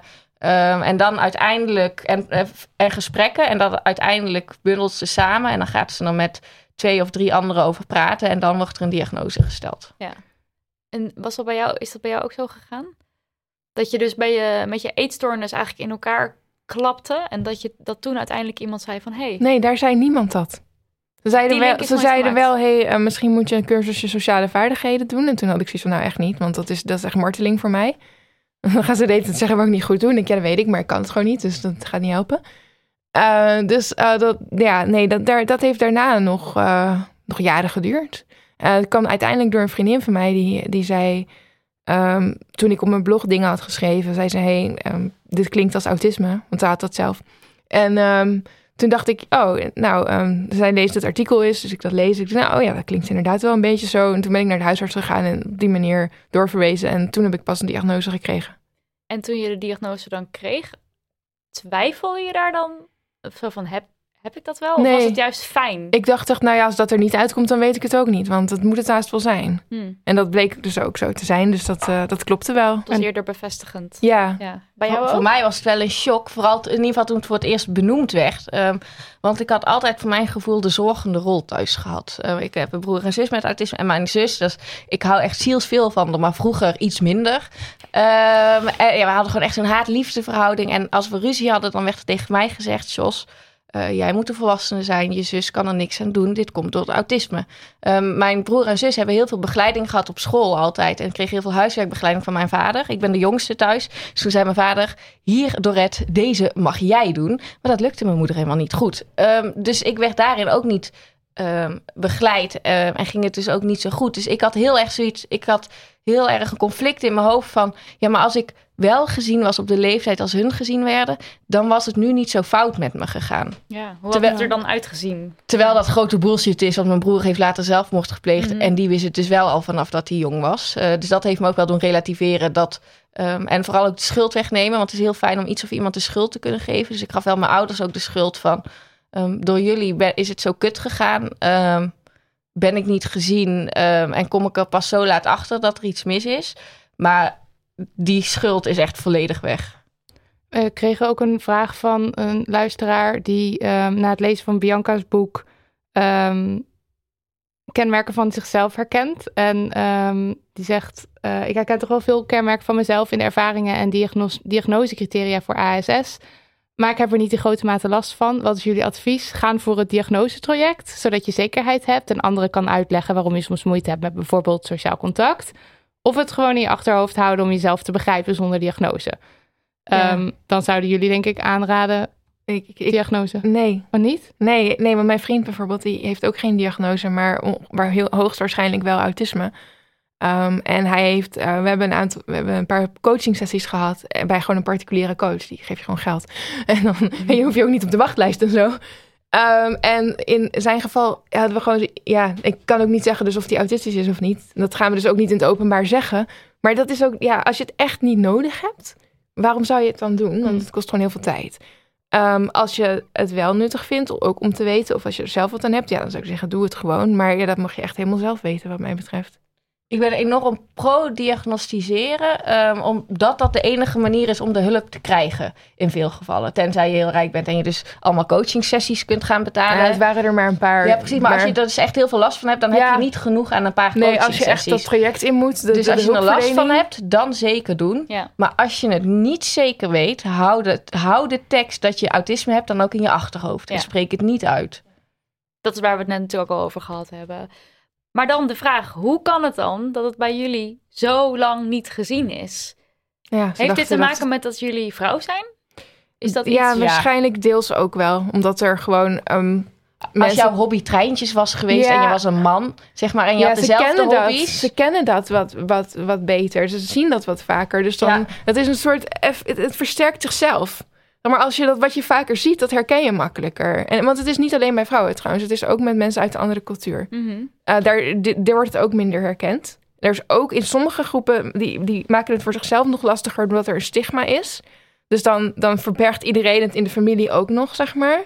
Ehm, en dan, eh, ja, dan wordt dat ook veel moeilijker eh, herkend. Omdat niemand, iemand, ja, zeg maar, de meestal. Ik kom er, kwam er bijvoorbeeld achter doordat een vriendin zei: hey, dit klinkt als. En ik heb zelf vriendinnen die na mij erachter kwamen, omdat ze het van mij weer hadden gehoord. Dus het is ook een kwestie van verhalen delen en weten Ja. dus dat het bestaat. Ja, precies. Want nu, als, stel ik kom bij een, eh inter, of bij een sollicitatiegesprek, ik wil een nieuwe baan, ik wil bij de bakker gaan werken. ehm, en ik vertel daar dat ik autisme heb, dan denken zij aan of autisme met een eh, lichtverstandelijke beperking, of bijvoorbeeld een Kees Momma, wat ik een geweldige gozer vind en met wie ik, daar, ben- daar heb ik een zwak voor en die vind ik echt super cool en geweldig, voordat ik daar weer haat op krijg. Ehm, dus love Kees Momma, maar dat is wel zeg maar het type autist wat niet zelfstandig tussen aanhalingstekens kan functioneren in deze maatschappij. Ehm, wat ik wel moet, want ik ben wel, ik ben niet beperkt genoeg om alleen maar op de bank te liggen, zeg maar. Maar als ik dan vertel ergens dat ik autisme heb, dan zien ze dat beeld van autisme voor zich. En daarom vind ik het zo belangrijk dat autisme veel meer in de media verspreid wordt en dat mensen weten niet dat, ik, dat dit de autismevorm is, maar dat er heel veel verschillende vormen van Ja. autisme zijn. Zodat ook als je het aan iemand vertelt, hij niet meteen het rampscenario of de Rainman denkt, maar ook kan denken: Oh, maar Jos Dekker heeft ook autisme en die is ook best goed gelukt. Nou ja, er zijn gewoon heel veel verschillen. Ik bedoel, mensen zijn mensen. En ook mensen met autisme zijn mensen. Dus er is een hele grote diversiteit in. Dus je zou dan toch echt weer door moeten vragen van... oké, maar wat, wat betekent dat dan voor jou? En, en hoe uitzicht dat dan? Ja, ik leg het zelf op congressen vaak uit. Vind ik een hele leuke manier van mezelf. Ik ben linkshandig. En er zijn altijd wel een paar linkshandigen in de zaal. En die laat ik dan eh, op een bord mijn naam schrijven. En ik schrijf hem zelf ook. En dan zeg ik, kijk hier, hetzelfde tijdstip, met dezelfde stift, eh, op hetzelfde bord, Ja. eh, is hier Jos Dekker geschreven, maar het ziet er allemaal compleet anders uit. Ja, goed En zo is het met autisme ook. Uh, we zijn heel veel overeenkomsten, maar het grote verschil is onze karakters. En die zijn nou eenmaal verschillend. Ja, en je, je capaciteiten zijn vaak ook verdeeld als een soort, in een soort spinnenweb van... ehm, ja, hoe zeg je dat? Een multidimensionale vectorruimte. Van, Dat heb ik gegoogeld. ja, van factoren. Ja, snap een soort, soort spinnenweb. Denk een soort spinnenweb. En dan, en dan zeg maar eh, alle eh, van die, al die draadjes omhoog en opzij en zo, die, zijn, die, die, zijn, die kunnen bepaalde hoogtes hebben. Dus zeg maar, ehm, je kan bijvoorbeeld eh, sociaal eh 10 en eh inzicht, of ruimtelijk inzicht 0 of, of, of 5. Of, en dat, dat zijn heel veel verschillende pootjes. Ja, en bij iedereen is dat En heel bij anders. iedereen vormt dat een heel andere vorm, een heel andere vlek, zeg maar. Zelfs mijn zus, wij komen uit dezelfde moeder voor zover ik weet. En ook van dezelfde vader af voor zover ik weet. Eh, we schelen één jaar en twee maanden. hebben dezelfde basisschool gehad. Sliepen op dezelfde kamer. Nog ziet het er compleet anders uit. Maar daarom, dit moet ik nog even benoemen. Anders klinkt mijn zus daar graag. Mijn zus is echt, dat is mijn grote voorbeeld. Want die is, heeft zoveel hulp gehad altijd. En die is, zoveel handvaten gekregen. Dat je nu aan haar, en dat meen ik oprecht, niet merkt dat ze autisme heeft. En nu ook gewoon een normale grote mensenbaan heeft. Pedagogiek gestudeerd, dik afgestudeerd met goede cijfers. Ehm, omdat ze gewoon van jongs af aan de juiste hulp heeft gehad om zich te weten, om te leren hoe zij met de wereld moet omgaan. Eh, eh, We kregen nog een vraag van iemand. Want jij zegt nu van bij mijn zus zie je het niet. Ehm, dat is best wel gevaarlijk als ik dat in jouw boek lees, dat maskeren. Want dat kan op een gegeven moment kan je dat kan ook... je eh, zelf heel veel energie kan kosten. heel ing- ingewikkeld zijn. Toen vroeg iemand van, zou je het niet fijn zijn als je het wel aan jullie kon zien? Dus nou, ja, jullie hebben net verteld van, je kan een bepaalde houding kan je zien. Maar stel je voor, je zou een soort van heel dik label, zo dat iedereen gelijk weet. Nee, dat lijkt me verschrikkelijk. Ja? Tenzij ze het goede beeld, tenzij er het label inclusief gebruiksaanwijzing met hoe ik als persoon ben. Ja. Eh, maar anders neemt niemand meer, mij meer serieus als er alleen maar autist op mijn voorhoofd staat, omdat ik veel meer ben dan Want dan dat. ben je Ja. opeens alleen maar autist klaar. Ja, ik zou soms wel willen dat mensen dat zouden kunnen zien, omdat ze anders gewoon denken dat ik een ongeïnteresseerd, onbeschoft mens Mhm. ben. En dan heb ik liever dat ze zien dat ik autisme heb, dan dat, ik, dat ze denken, nou Jezus, die groet ons helemaal niet en die eh, kijkt ons niet aan en die, die sluipt voorbij met haar kop thee. Wat een asociale trut. Dan, dan heb ik liever autisme dan Autisme. asociale trut. Ja, daar ben ik het wel mee eens. Maar wat ik wel, ik benoem het heel vaak. Bijvoorbeeld laatst is mijn geliefde auto kapot gegaan op een heel onhandig stuk tussen een rotonde en de eh, afrit van de snelweg. Eh, en dan moest snel een bergingswagen komen. En ik raakte natuurlijk volledig in paniek. Want één, dit had ik niet voorspeld. Twee, what the fuck, hoe moet ik hiermee omgaan? Mijn auto is kapot. Ehm, en ik was, en ik, die man, die mocht mij alleen die plek afbrengen, zodat het de, er weer een veilige situatie was. En dan moest iemand van de ANWB komen. Maar ik was volledig in paniek. Dus ik geef aan, sorry meneer, ik kan dit niet overzien. Ik heb autisme. En hij heeft toen meteen alles uit, uit mijn handen genomen. Dat is super En nice. gezegd, eh, en hij, hij mocht me eigenlijk dus maar vijf meter verderop brengen. Mhm. Hij heeft me helemaal naar mijn ouders gebracht. Want daar was ik in de buurt op dat moment. Ehm, heeft gezegd, ik regel dat wel met die ANWB als ze moeilijk gaan doen. Mhm. Maar het is ik, kan jou, ik kan het niet over mijn hart verdragen om jou hier nu achter te laten. Ja. Dus als er een, ehm, een, een beter, completer beeld van autisme hier in de maatschappij zou zijn, zou het misschien wel fijn zijn als er iets van autisme een teken zou zijn. Kan ik me voorstellen. Dat mensen er genuanceerder over denken. Niet meteen aannames nemen van, oh, Ja. autisme. Dus Nou ja, daarom, ik heb altijd een zonnebril op eh, en een eh, koptelefoon op. Oh, ja. En een pet ook. En dus toen, eh, dus ik kom bijvoorbeeld heel vaak in een winkel eh, en dan heb ik ook altijd mijn zonnebril op. Ehm, bij de kassa doe ik hem heel even af en dan geef ik aan, ik heb deze zonnebril. En eerst gaf ik aan, ik heb deze zonnebril op vanwege slechte ogen. Maar ja, gaan mensen toch doorvragen. Dus ik zeg tegenwoordig, vanwege autisme kan ik niet goed tegen licht en daarom moet ik deze zonnebril ophouden. Omdat Maar je zegt het dus wel. dus daarom, ik benoem je het. vindt het wel iets wat je moet... Maar dat is het ook. Dat heb ik heel erg geleerd. Zodra ik het niet benoem, weten mensen niet wat er aan de hand is en ook niet hoe ze mij het beste kunnen helpen. Dus zodra ik, bijvoorbeeld collega's weten nu van mij dat ik het niet zo fijn vind om aangeraakt te worden op momenten. Soms gewoon. Ehm, dus die geven uit zichzelf bij een verjaardag. gaan ze mij niet knuffelen, maar geven ze mij een hand. Ehm, en al die dingen waar rekening mee gehouden moet worden, dat kan alleen als ze weten wat er aan de hand is. Want ik word dus heel vaak als ignorant gezien, omdat ik dan eh, in de winter om half acht 's ochtends, terwijl het nog donker is, met mijn zonnebril en mijn koptelefoon over straat loop. En mensen denken of die heeft een hele erge kater of haar capsones is nog groter dan we al dachten. Ehm, m- dus en door het aan te geven, krijgen mensen ook een veel beter beeld van me. Ja. Dus zien ze ook, oh, ze is niet zo asociaal, het is gewoon een autist. En dit is iets, tenminste dat beschrijf jij in je boek, waar vrouwen harder op afgerekend worden. Ja, nou ja, Of ja. tenminste, dat is de voorspelling, waardoor het misschien ook vrouwen het langer ehm, ja, kunnen, kunnen verdoezelen, totdat dan die burn-out komt, totdat je breekt. Ja, ik denk dat. ehm, ja, je, je leert gewoon wel hoe je je netjes moet gedragen. En We hadden het al over het papegaaien, dus wat vrouwen makkelijker of sneller doen. ja, maar ik wil daar toch ook al een beetje. Ik weet dat het ook in mijn boek staat, maar ik zat vandaag te denken. En ik, ieder, van iedereen die ik in mijn boek heb geïnterviewd, is het Sander, een man, die er op dit moment eh, eigenlijk het slechtst bij zit. Dus ik vind ook, je moet er ook wel mee oppassen om dat te generaliseren, Ja. zeg maar. nuance in aanbrengen. Ja, dus ik zit er even over te denken, want ehm, hij is nog steeds, zeg maar, op zoek naar, naar passend werk. En ja, hij heeft gewoon heel weinig geld en het is best wel lastig allemaal. ja. Ehm, ja, en ik kan ook, ik weet ook niet, ik, ik kan ook heel moeilijk inschatten hoe het voor hem is. Ik bedoel, ik weet wel dat van vroeger in ieder geval, ehm, ja, sowieso natuurlijk in de tijd van Asperger was het helemaal achterlijk, maar die had gewoon iets van vrouwen, die kunnen helemaal geen autisme hebben, ze zijn gewoon hormonaal. Dus ja, dat is gewoon, eh, maar goed, gelukkig gaat dat eh, allemaal wel stukken beter de laatste tijd. Ehm, maar ja, ja je, je, je, weet toch wel dat het niet helemaal de bedoeling is dat je ergens gaat staan stampvoeten of zo. dat is toch wel een beetje, dat, dat weet je wel. Je wijkt af van het ehm, lieve, vriendelijke ehm, m- meisjesscript. Wat Oh ja, maar dat ben, ik ben totaal niet het lieve vriendelijke meisje. Ik bedoel, ik had laatst op Twitter ook, ik weet niet meer wat het was, maar ik was kwaad op iemand. En toen zei iemand, nou, dat is ook niet aardig. En toen dacht ik, hoezo dacht je dat ik aardig was dan? ik weet niet hoor, maar... En dat wordt wel van, ik denk vooral vrouwen snel verwacht. Ja, dat je dat je- aardig ja, bent ja. en in ieder geval beleefd en beheerst. En ja, Ja, ja, ik ben niet zo aardig. Ik ben niet aardig. Tenminste, ik ben heel aardig voor iedereen. Maar ik, ik doe heel veel moeite voor maar iedereen vrienden waarvan ik hou en zo. Maar als je met bullshit komt, dan ben ik, Dan niet, klaar. Dan ben ik niet aardig. Nee, ja, sorry. Dat lijkt me een goede eigenschap ook. Eventjes naar nu dan. Ehm, zelfstandig wonen. Lukt allebei, alleen je hebt wel begeleiding. Ja, dus het is, niet Jos. ja, het is niet helemaal zelfstandig wonen, eh, omdat ik er hulp bij krijg. Maar het is wel echt een perfecte vorm die ik gevonden heb om toch op mezelf te kunnen wonen. Ehm, en ik zou bijvoorbeeld niet met autisten in een huis moeten wonen. Dat werd eerst voorgesteld, zei ik, als dat de bedoeling is, kan ik net zo goed thuis blijven wonen.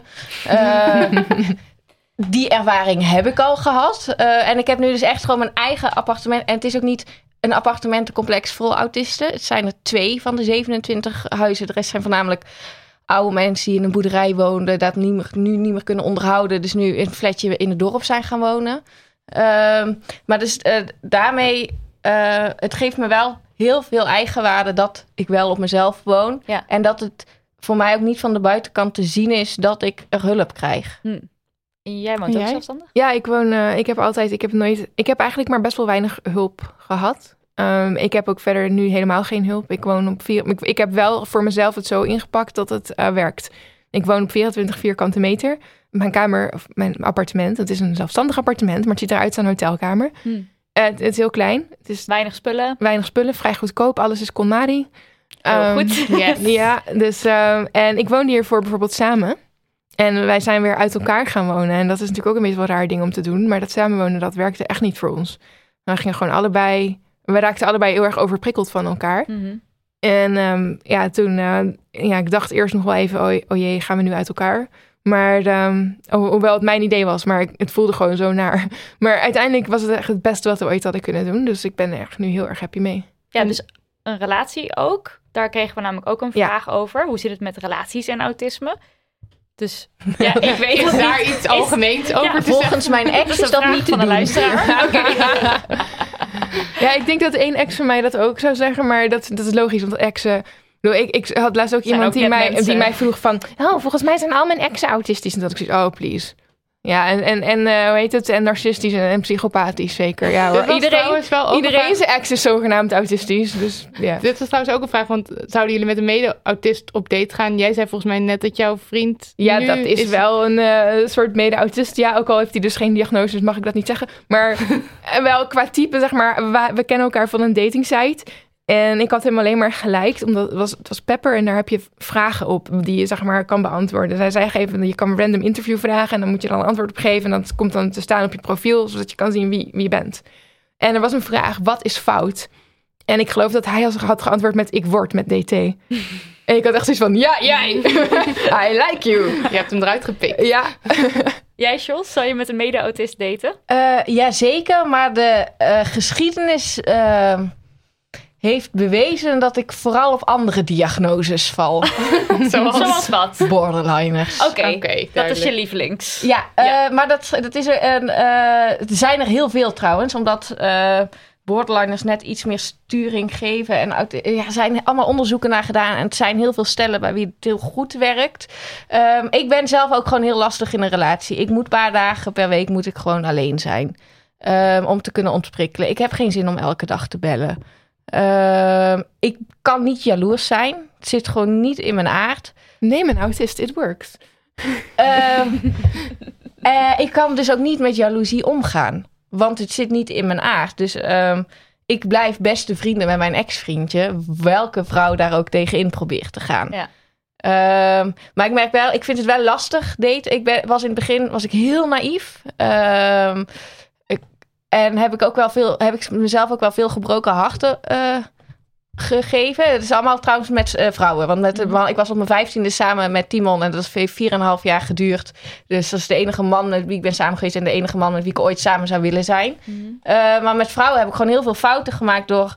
ehm, als ik iets zeg, dan kun je het aannemen dat ik dat vind en dat ik daarachter sta en dat het zo gaat. Maar zo werkt daten niet. Daten is zeg maar, jij kan wel zeggen dat je me leuk vindt, maar dat stuur je tegelijkertijd naar zes anderen. En dat heb ik niet door. Als jij zegt, ik ben nu nog niet toe aan een relatie, dan lees ik, ik ben nu nog niet, je bent nu nog niet toe Nu aan een relatie. moment, maar maar volgende week Ja. weet jij veel. Terwijl Ja. dat eigenlijk betekent, ik heb nu geen zin in een relatie. Dus je neemt het dan heel letterlijk. Ja, dus ik heb zeggen. de eerste, het eerste meisje met wie ik date, eh, die eh, zei dat dus, dat soort dingen. Eh, en bijvoorbeeld, toen waren we samen, we waren heel dronken en stoned geworden. Eh, en zij lag op haar bed en ik op de bank naast haar bed. Eh, maar die zaten tegen elkaar aan. Nou, we begonnen dat we elkaars handen vasthielden en we begonnen te zoenen. En zij zegt: ehm, Dit is wel maar eenmalig, hè? En ik hoor in mijn hoofd: Dit is nu eenmalig. Ah. Eh, en het was ook de meest rare sekservaring die ik ooit in mijn leven heb gehad. Want we hadden seks en daarna geen enkel fysiek contact meer. Het was echt de daad. En Klaar. weg van elkaar. En toen dacht eh, en ik had aan de ene kant had ik een Eureka-moment van ja, dit is het. Ik wil vrouwen in mijn leven zoenen. Maar aan de andere kant was het ook meteen. eh, en natuurlijk was ze een week later weer terug bij de mannelijke ex. Ik ben heel goed in vrouwen laten inzien hoe hetero ze wel niet zijn. is een talent. Ehm, maar daar, ik ben gewoon wat kwetsbaarder als het gaat om dat soort dingen. Omdat ik gewoon... eh, omdat ik veel eerlijker en directer ben. En ik ervan uitga dat andere mensen dat ook zijn. Maar Ja. dat kun je niet verwachten van mensen. Want niemand is zo gebouwd als ik ben, zeg maar. Dus zo eerlijk en recht toe en recht... En, en what you see is what you get. Dat heb je gewoon bij heel veel mensen niet. En dan zit je met daten natuurlijk helemaal niet goed. Want Ja. dat is echt een spel waar je... En dan woon je ook nog eens in Brabant, in een klein dorp. Dus zeg maar, ik, er zijn drie lesbische mensen volgens mij in Hees. Heb je zo uitgespeeld? Nou, één daarvan ben ik. in the village. De andere twee zijn de eigenaren van het zorgbureau waar ik bij zit. Dus dat werkt ook niet. dat was het. Eh, dus dan krijg je Tinder bijvoorbeeld. Maar ik ben absoluut niet goed in Tinder. Omdat ik kan niet liegen. Eh vind ik heel lastig. Maar de, de meest oppervlakkige vragen die gesteld worden is... ehm, wat doe je voor werk? Nou, een jaar geleden zat ik volledig nog in mijn waaijong-uitkering. Dus dan had ik het gevoel dat ik daarover moest liegen. Of ik moest meteen vertellen... ja, ik heb geen werk, want ik heb autisme, ADHD en een depressie. En dan vragen ze naar je broers en zussen. Oh ja, ik heb twee zussen. En ik had een broer, maar die heeft zich 4,5 jaar geleden opge... Ja, dat werkt niet. Maar dat was wel de manier hoe ik erin stond. Dat ik dacht, je mag niet liegen. Ja. Maar om eerlijk te zijn, ben ik nog steeds voorstander van die manier. Want wie je dan wel overhoudt, is wel echt de good, de good person Zeker. die je Ja. Moet hebben. Eh, ik heb het bij eens gedaan, die vond ik heel sterk van mezelf. Dus toen heb ik het niet verteld. En toen gingen we op date naar het psychiatrisch museum in Haarlem. Nou, dat was een inkoppertje. Eh, maar ook, de, ook met dat meisje, we noemen haar het fietsmeisje, die ehm, vond ik heel leuk. Of Kende ik via Tinder en ik dacht dat zij mij ook leuk vond. En toen vertelde ze ineens, oh ja, ik vertrek volgende week voor eh, onbepaalde tijd op fietsvakantie. Oh, ja. Maar eerlijk is eerlijk. Ik bedoel, ehm, mensen, ik zal even niet zeggen wie, maar mensen, iemand die je kent zonder autisme, die heeft onlangs gewoon ook precies zoiets meegemaakt. Oh, nee, het is ook Dat zeker dat, het- dat ook niet gewoon, alleen ja. mensen met autisme het hebben, maar ik ben er wel gewoon heel vatbaar voor. Hmm. Dus ik eh, ben gewoon heel naïef als het gaat. Dus daarom heb ik mezelf nu ook volledig een muur om me heen. En denk ik, ik wil seks hebben met wie ik wil. En dat is gewoon heel lastig als je in een dorp woont. eh, dan jezelf maar. Eh, maar ik ga niet meer daten nu. Je Omdat... kan er zo nog even op uit hier in Amsterdam. Ja, precies. Oh, ja, ik heb mijn weekendkop voorbij. Eh, maar dat je... Ik ga niet... eh, de- omdat ik mensen niet kan vertrouwen. Maar ook dus ik heb meerdere keren meegemaakt... dat meisjes gingen dreigen met zelfmoord. En dat is gewoon een enorme trigger voor mij. Ja. eh, omdat mijn broer dat heeft gepleegd. En ik vanaf het begin af aan zeg... eh, wil zeggen of zeg... Zodra iemand dat doet, dan kap ik het af. Maar dat is ook gewoon heel lastig. Want ze gaan je dan ook gewoon een schuldgevoel aanpraten. Ehm, als jij nu ophangt, dan ga ik zelfmoord plegen. Ja, dat, dat, ja, Dat is... dat is een onhoudbare situatie. Precies, maar dan ligt het uiteindelijk toch aan mijn autisme dat het uitgaat. Oh ja. Ja, want dat is een lekker makkelijke kaart om te spelen. Werk. Yes, yes. Wat voor werk doen jullie? Ik, Ik, eh, heb, ik weet wel wat voor werk ik heb een hele waslijst. Projectmedewerker KJP Neventaken is mijn officiële... Bij de GGZ. Ja. Ja. Eh, en communicatiewerker bij de GGZ. Dus het, eigenlijk ben ik ervaringsdeskundige, maar dan moet je officieel een opleiding voor hebben gedaan. En die heb ik nog niet gedaan. Dus heet dit projectmedewerker. En heb je daar dan ook begeleiding bij nodig? Nee, totaal niet. Mijn werk, eh, nou, daar verbaas ik mezelf elke dag nog over dat. Ik heb het gevoel alsof ik me er doorheen bluf, maar het werkt. Ehm, eh, ik heb die baan gekregen door. Ik deed vrijwilligerswerk bij de Nationale Jeugdraad. Ehm, en er was een subgroepje hoofdzaken die zette zich in voor, eh, voor psychisch kwetsbare jongeren. En daar was ik al eerder voor gevraagd. Toen was ik nog te depressief. En nu dacht ik, ja, dit ga ik doen, want hier ga ik een baan uitslepen. Dat was mijn doel. Maar ik wist niet of het haalbaar was. En toen ging ik naar een congres van het, of een 24 uur sessie van het ministerie van VWS, dat is eh, Volksgezondheid, Welzijn en Sport. Ehm, over ehm, eh, de nieuwe jeugdwet eh, die in zou gaan treden. Ehm, en ik zat in het groepje 18 min 18 plus. En ik vertelde hoe lastig het was om een baan te krijgen. Want ik ben wel super intelligent, maar mijn hoogst afgeronde opleiding is VMBO-kader. Eh, ik zat in een waaijong-uitkering, maar de banen die gecreëerd worden voor mensen met een arbeidsbeperking zijn over het algemeen voor mensen met een lage intelligentie. Dus bijvoorbeeld dozen inpakken. Maar mijn uitvoerend vermogen is dus super slecht. Dus ik zou daar letterlijk depressief van worden. Ehm, en toen was ik daar dat aan het vertellen. En de gespreksleider zei: Oké, ik ga nu een baan voor je regelen. Waar woon je? Ik zei: Ja, in Brabant. En toen was Marielle Ploemen.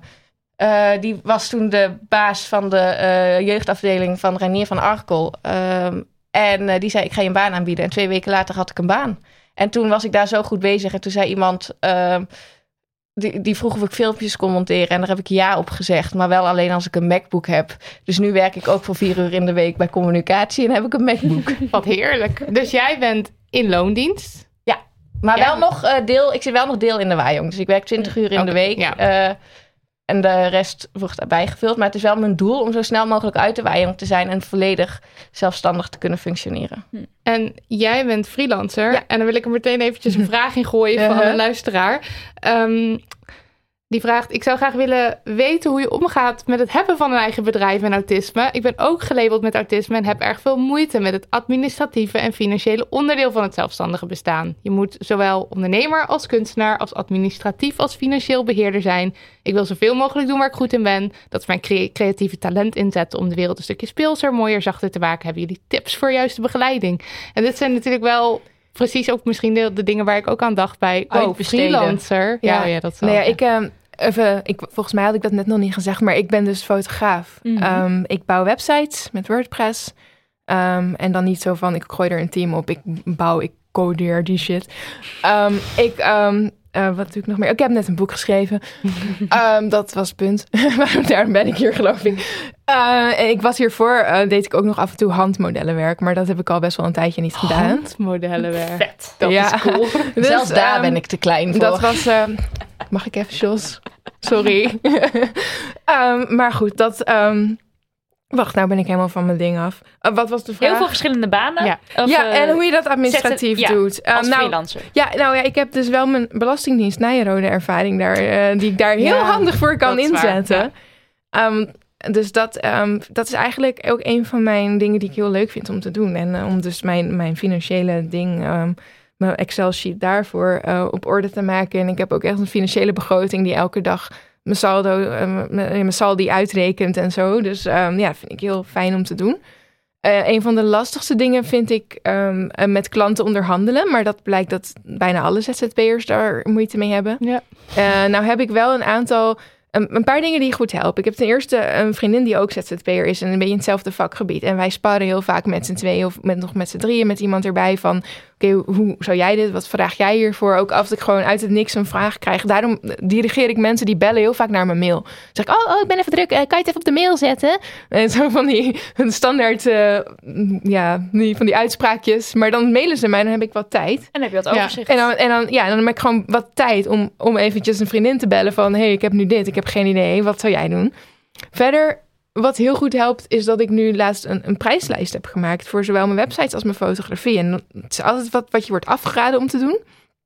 En het zijn ook allemaal vanaf prijzen. En ze moeten ook altijd contact opnemen voor een offerte, dus het kan altijd nog meer worden.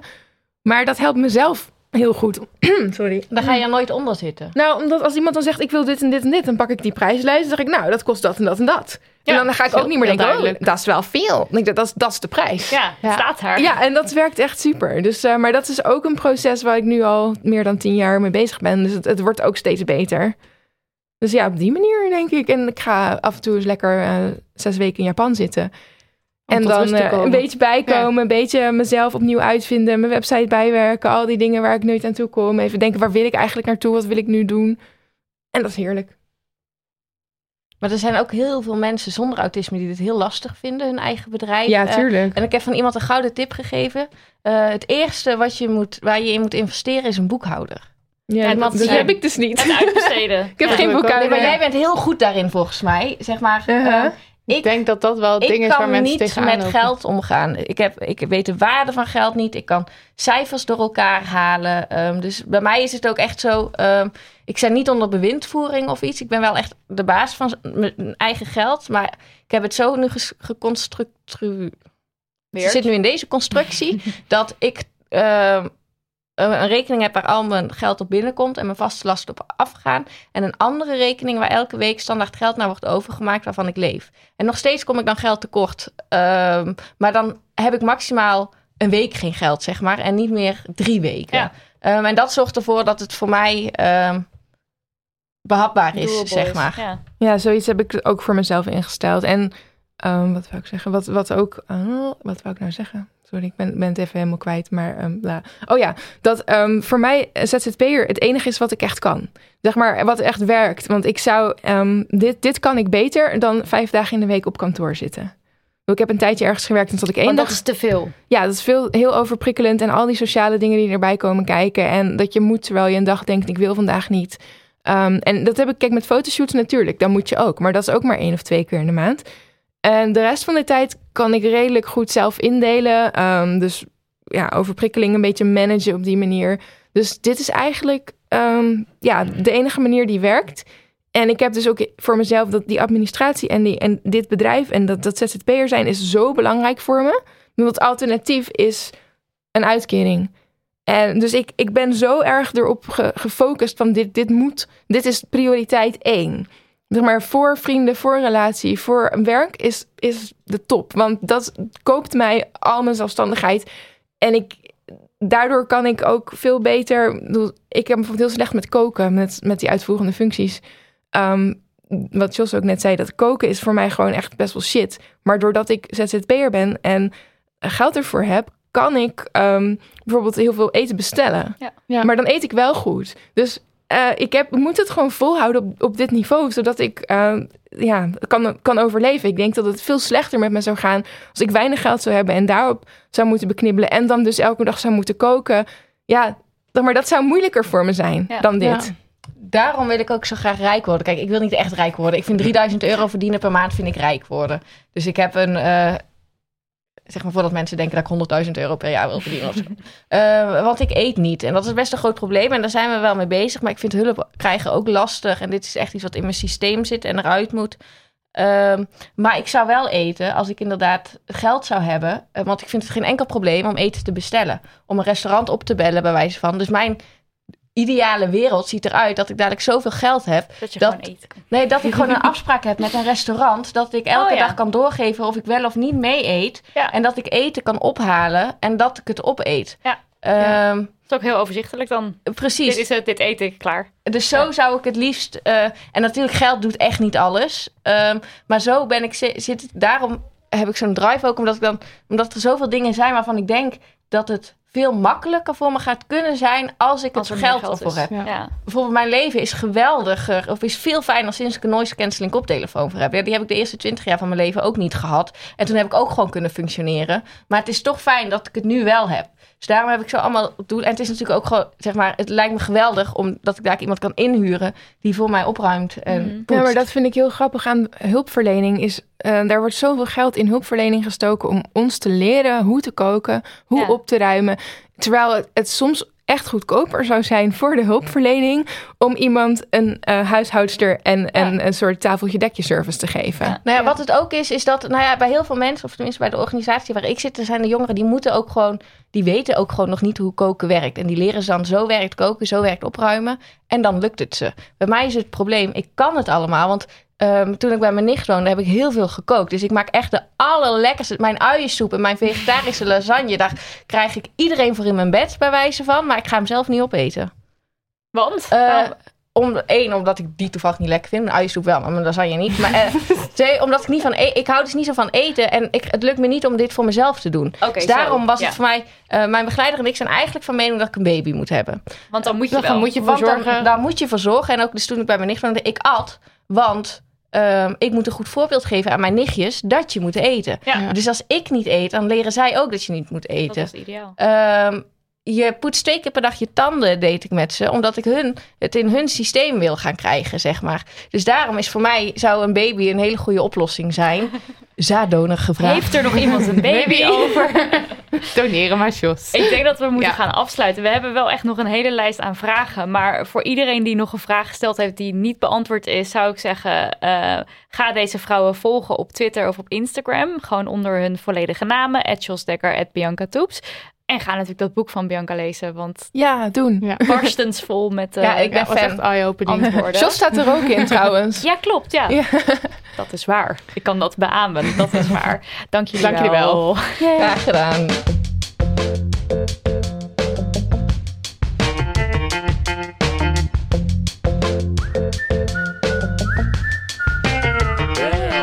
Tijd voor de afsluitende rubriek Damn Honey Yes, Damn Honey No. Marilot. No. Ja. Eh, dit verhaal heet...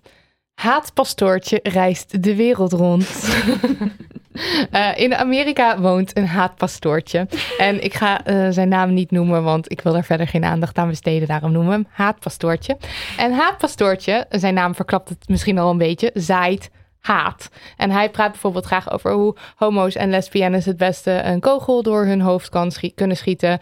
Eh, over hoe LGBT eigenlijk let God burn them betekent. En hij ontkent de holocaust. En hij is fel tegen abortus, of course. Nou, allemaal van alles mis mee. Eh, en nu is het haatpastoortjes wend om zijn haat verder over de wereld te verspreiden en, eh, en zieltjes te winnen. Dus hij is begonnen aan een wereldtour. Eh, er zijn al meerdere landen die hem weren. In Zuid-Afrika, Botswana, Jamaica en Verenigd Koninkrijk is haatpastoortje al niet meer welkom vanwege zijn hatelijke opmerkingen over zijn homoseksualiteit onder andere. Maar nu heeft haatpastoortje op zijn YouTube-kanaal aangekondigd dat hij 23 mei naar Amsterdam wil komen. Ik moet even Ehm. lachen, maar vanwege haatpastoortje, niet Ik vanwege het erbij. verhaal. Het is nog onduidelijk wat hij precies komt doen, met wie hij dat gaat doen en waar hij dat gaat doen. Want dit is blijkbaar zijn tactiek om te voorkomen dat de overheid maatregelen gaat nemen. Uh, maar belangenorganisatie COC heeft in een brief aan uh, de staatssecretaris gevraagd om de komst van dit radicale haatpastoortje tegen te houden. En ook de Tweede Kamer en Femke Halsma zijn daarvan op de hoogte. Dus ik vind het een damn honey no dat hij naar Nederland komt. Ik hoop dat het een damn honey yes wordt als hij tegengehouden wordt bij de grens. Maar als hij komt, dan zit Jos klaar. Nou, zit Jos Zeker. klaar. In mijn tuinbroek. En te roepen hou je bek en bef me. Oh, ik doe dan wel met je mee. Oké, wij samen daar. Ja. En jij, Nidia. Damn honey yes. Ja, een fragmentje. Hallo dames en heren, goedenavond. Alles goed met jullie? Hebben we er een beetje zin in? Heel goed, dames en heren. Het is de laatste Jensen. Ja! Ja, oké. nou, dat was alles wat ik over Jensen wilde zeggen. En dan is mijn andere eh Damn Honey Yes, een hele grote Damn Honey Yes, het volgende.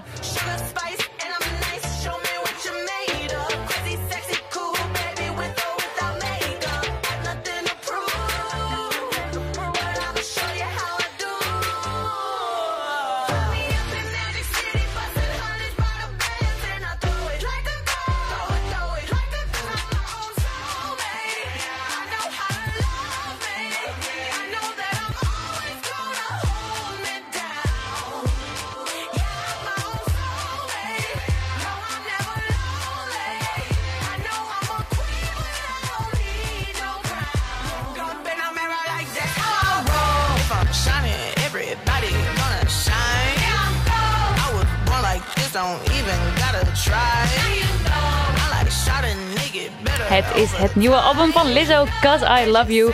En het barst uit elkaar van de self-love en, en zijn wie je bent. En, en, en love it gewoon. Ik ben er super excited over. Je en bent ook de hele dag aan het zingen. I know, ja, maar eh, voor de oplettende luisteraar, de lyrics die ik net liet horen, dat knalt gewoon uit elkaar van go iedereen Ja. en doe het en hou van jezelf. En dat is gewoon fantastisch. Dus dat. En we gaan naar in Paradiso, daar Oh ben ik ja, heel excited over. Maar dat is niet een Honey Yes voor iedereen. Dus Maar sorry voor de mensen. ons, ja. precies. Dat was hem weer, lieve mensen. Dank jullie wel, Jos en Toeps, voor het delen van jullie verhaal hier bij ons. Graag gedaan. Je vindt ze allebei op Twitter en op Instagram onder hun volledige naam. Bianca Toeps en Jos Dekker. Eh, we zullen een link naar het boek van Bianca en de blog van Jos in de show notes zetten. Dankjewel, producer Daniel van de Poppen en jingle-componist Lucas de Geer. Stuur ons alsjeblieft post. We lezen alles. We worden er blij van. En je kunt ons volgen op Instagram via @damhoney het boek of mail naar info@damhoney.nl. We reageren misschien wel een maand later, maar hè, dan reageren we wel. Vind je ons leuk? Dan zou je ons op verschillende manieren kunnen steunen. De opties voor mensen die goed in de slappe was zitten. eh, ons boekje kopen eh, voor 6,50 zonder verzendkosten bij scheldma.nl, damhoney. eh, of doneren via patreon.com slash damhoney. En de opties voor skere mensen zoals wij zelf. Ons de passend onpas noemen in gesprekken, stories, tweets. Of een recensie schrijven op iTunes. Want op die manier komen we hoger in de statistieken. Krijgen we meer luisteraars. En worden we uiteindelijk schat hemeltje rijk. En dat willen we. We hadden laatst trouwens een hele leuke nieuwe recensie binnengekregen. Die ga ik even voorlezen. Lieve meiden, wat een fantastische podcast. Ik heb het in één stuk geluisterd en ben erdoor geïnspireerd. Ik ben een opleiding tot arts en ga jullie adviezen zeker meenemen. Bedankt. Dat is toch fantastisch. Love it. Eh, nou, dag lieve troetelkinderen. Tot later. Bye.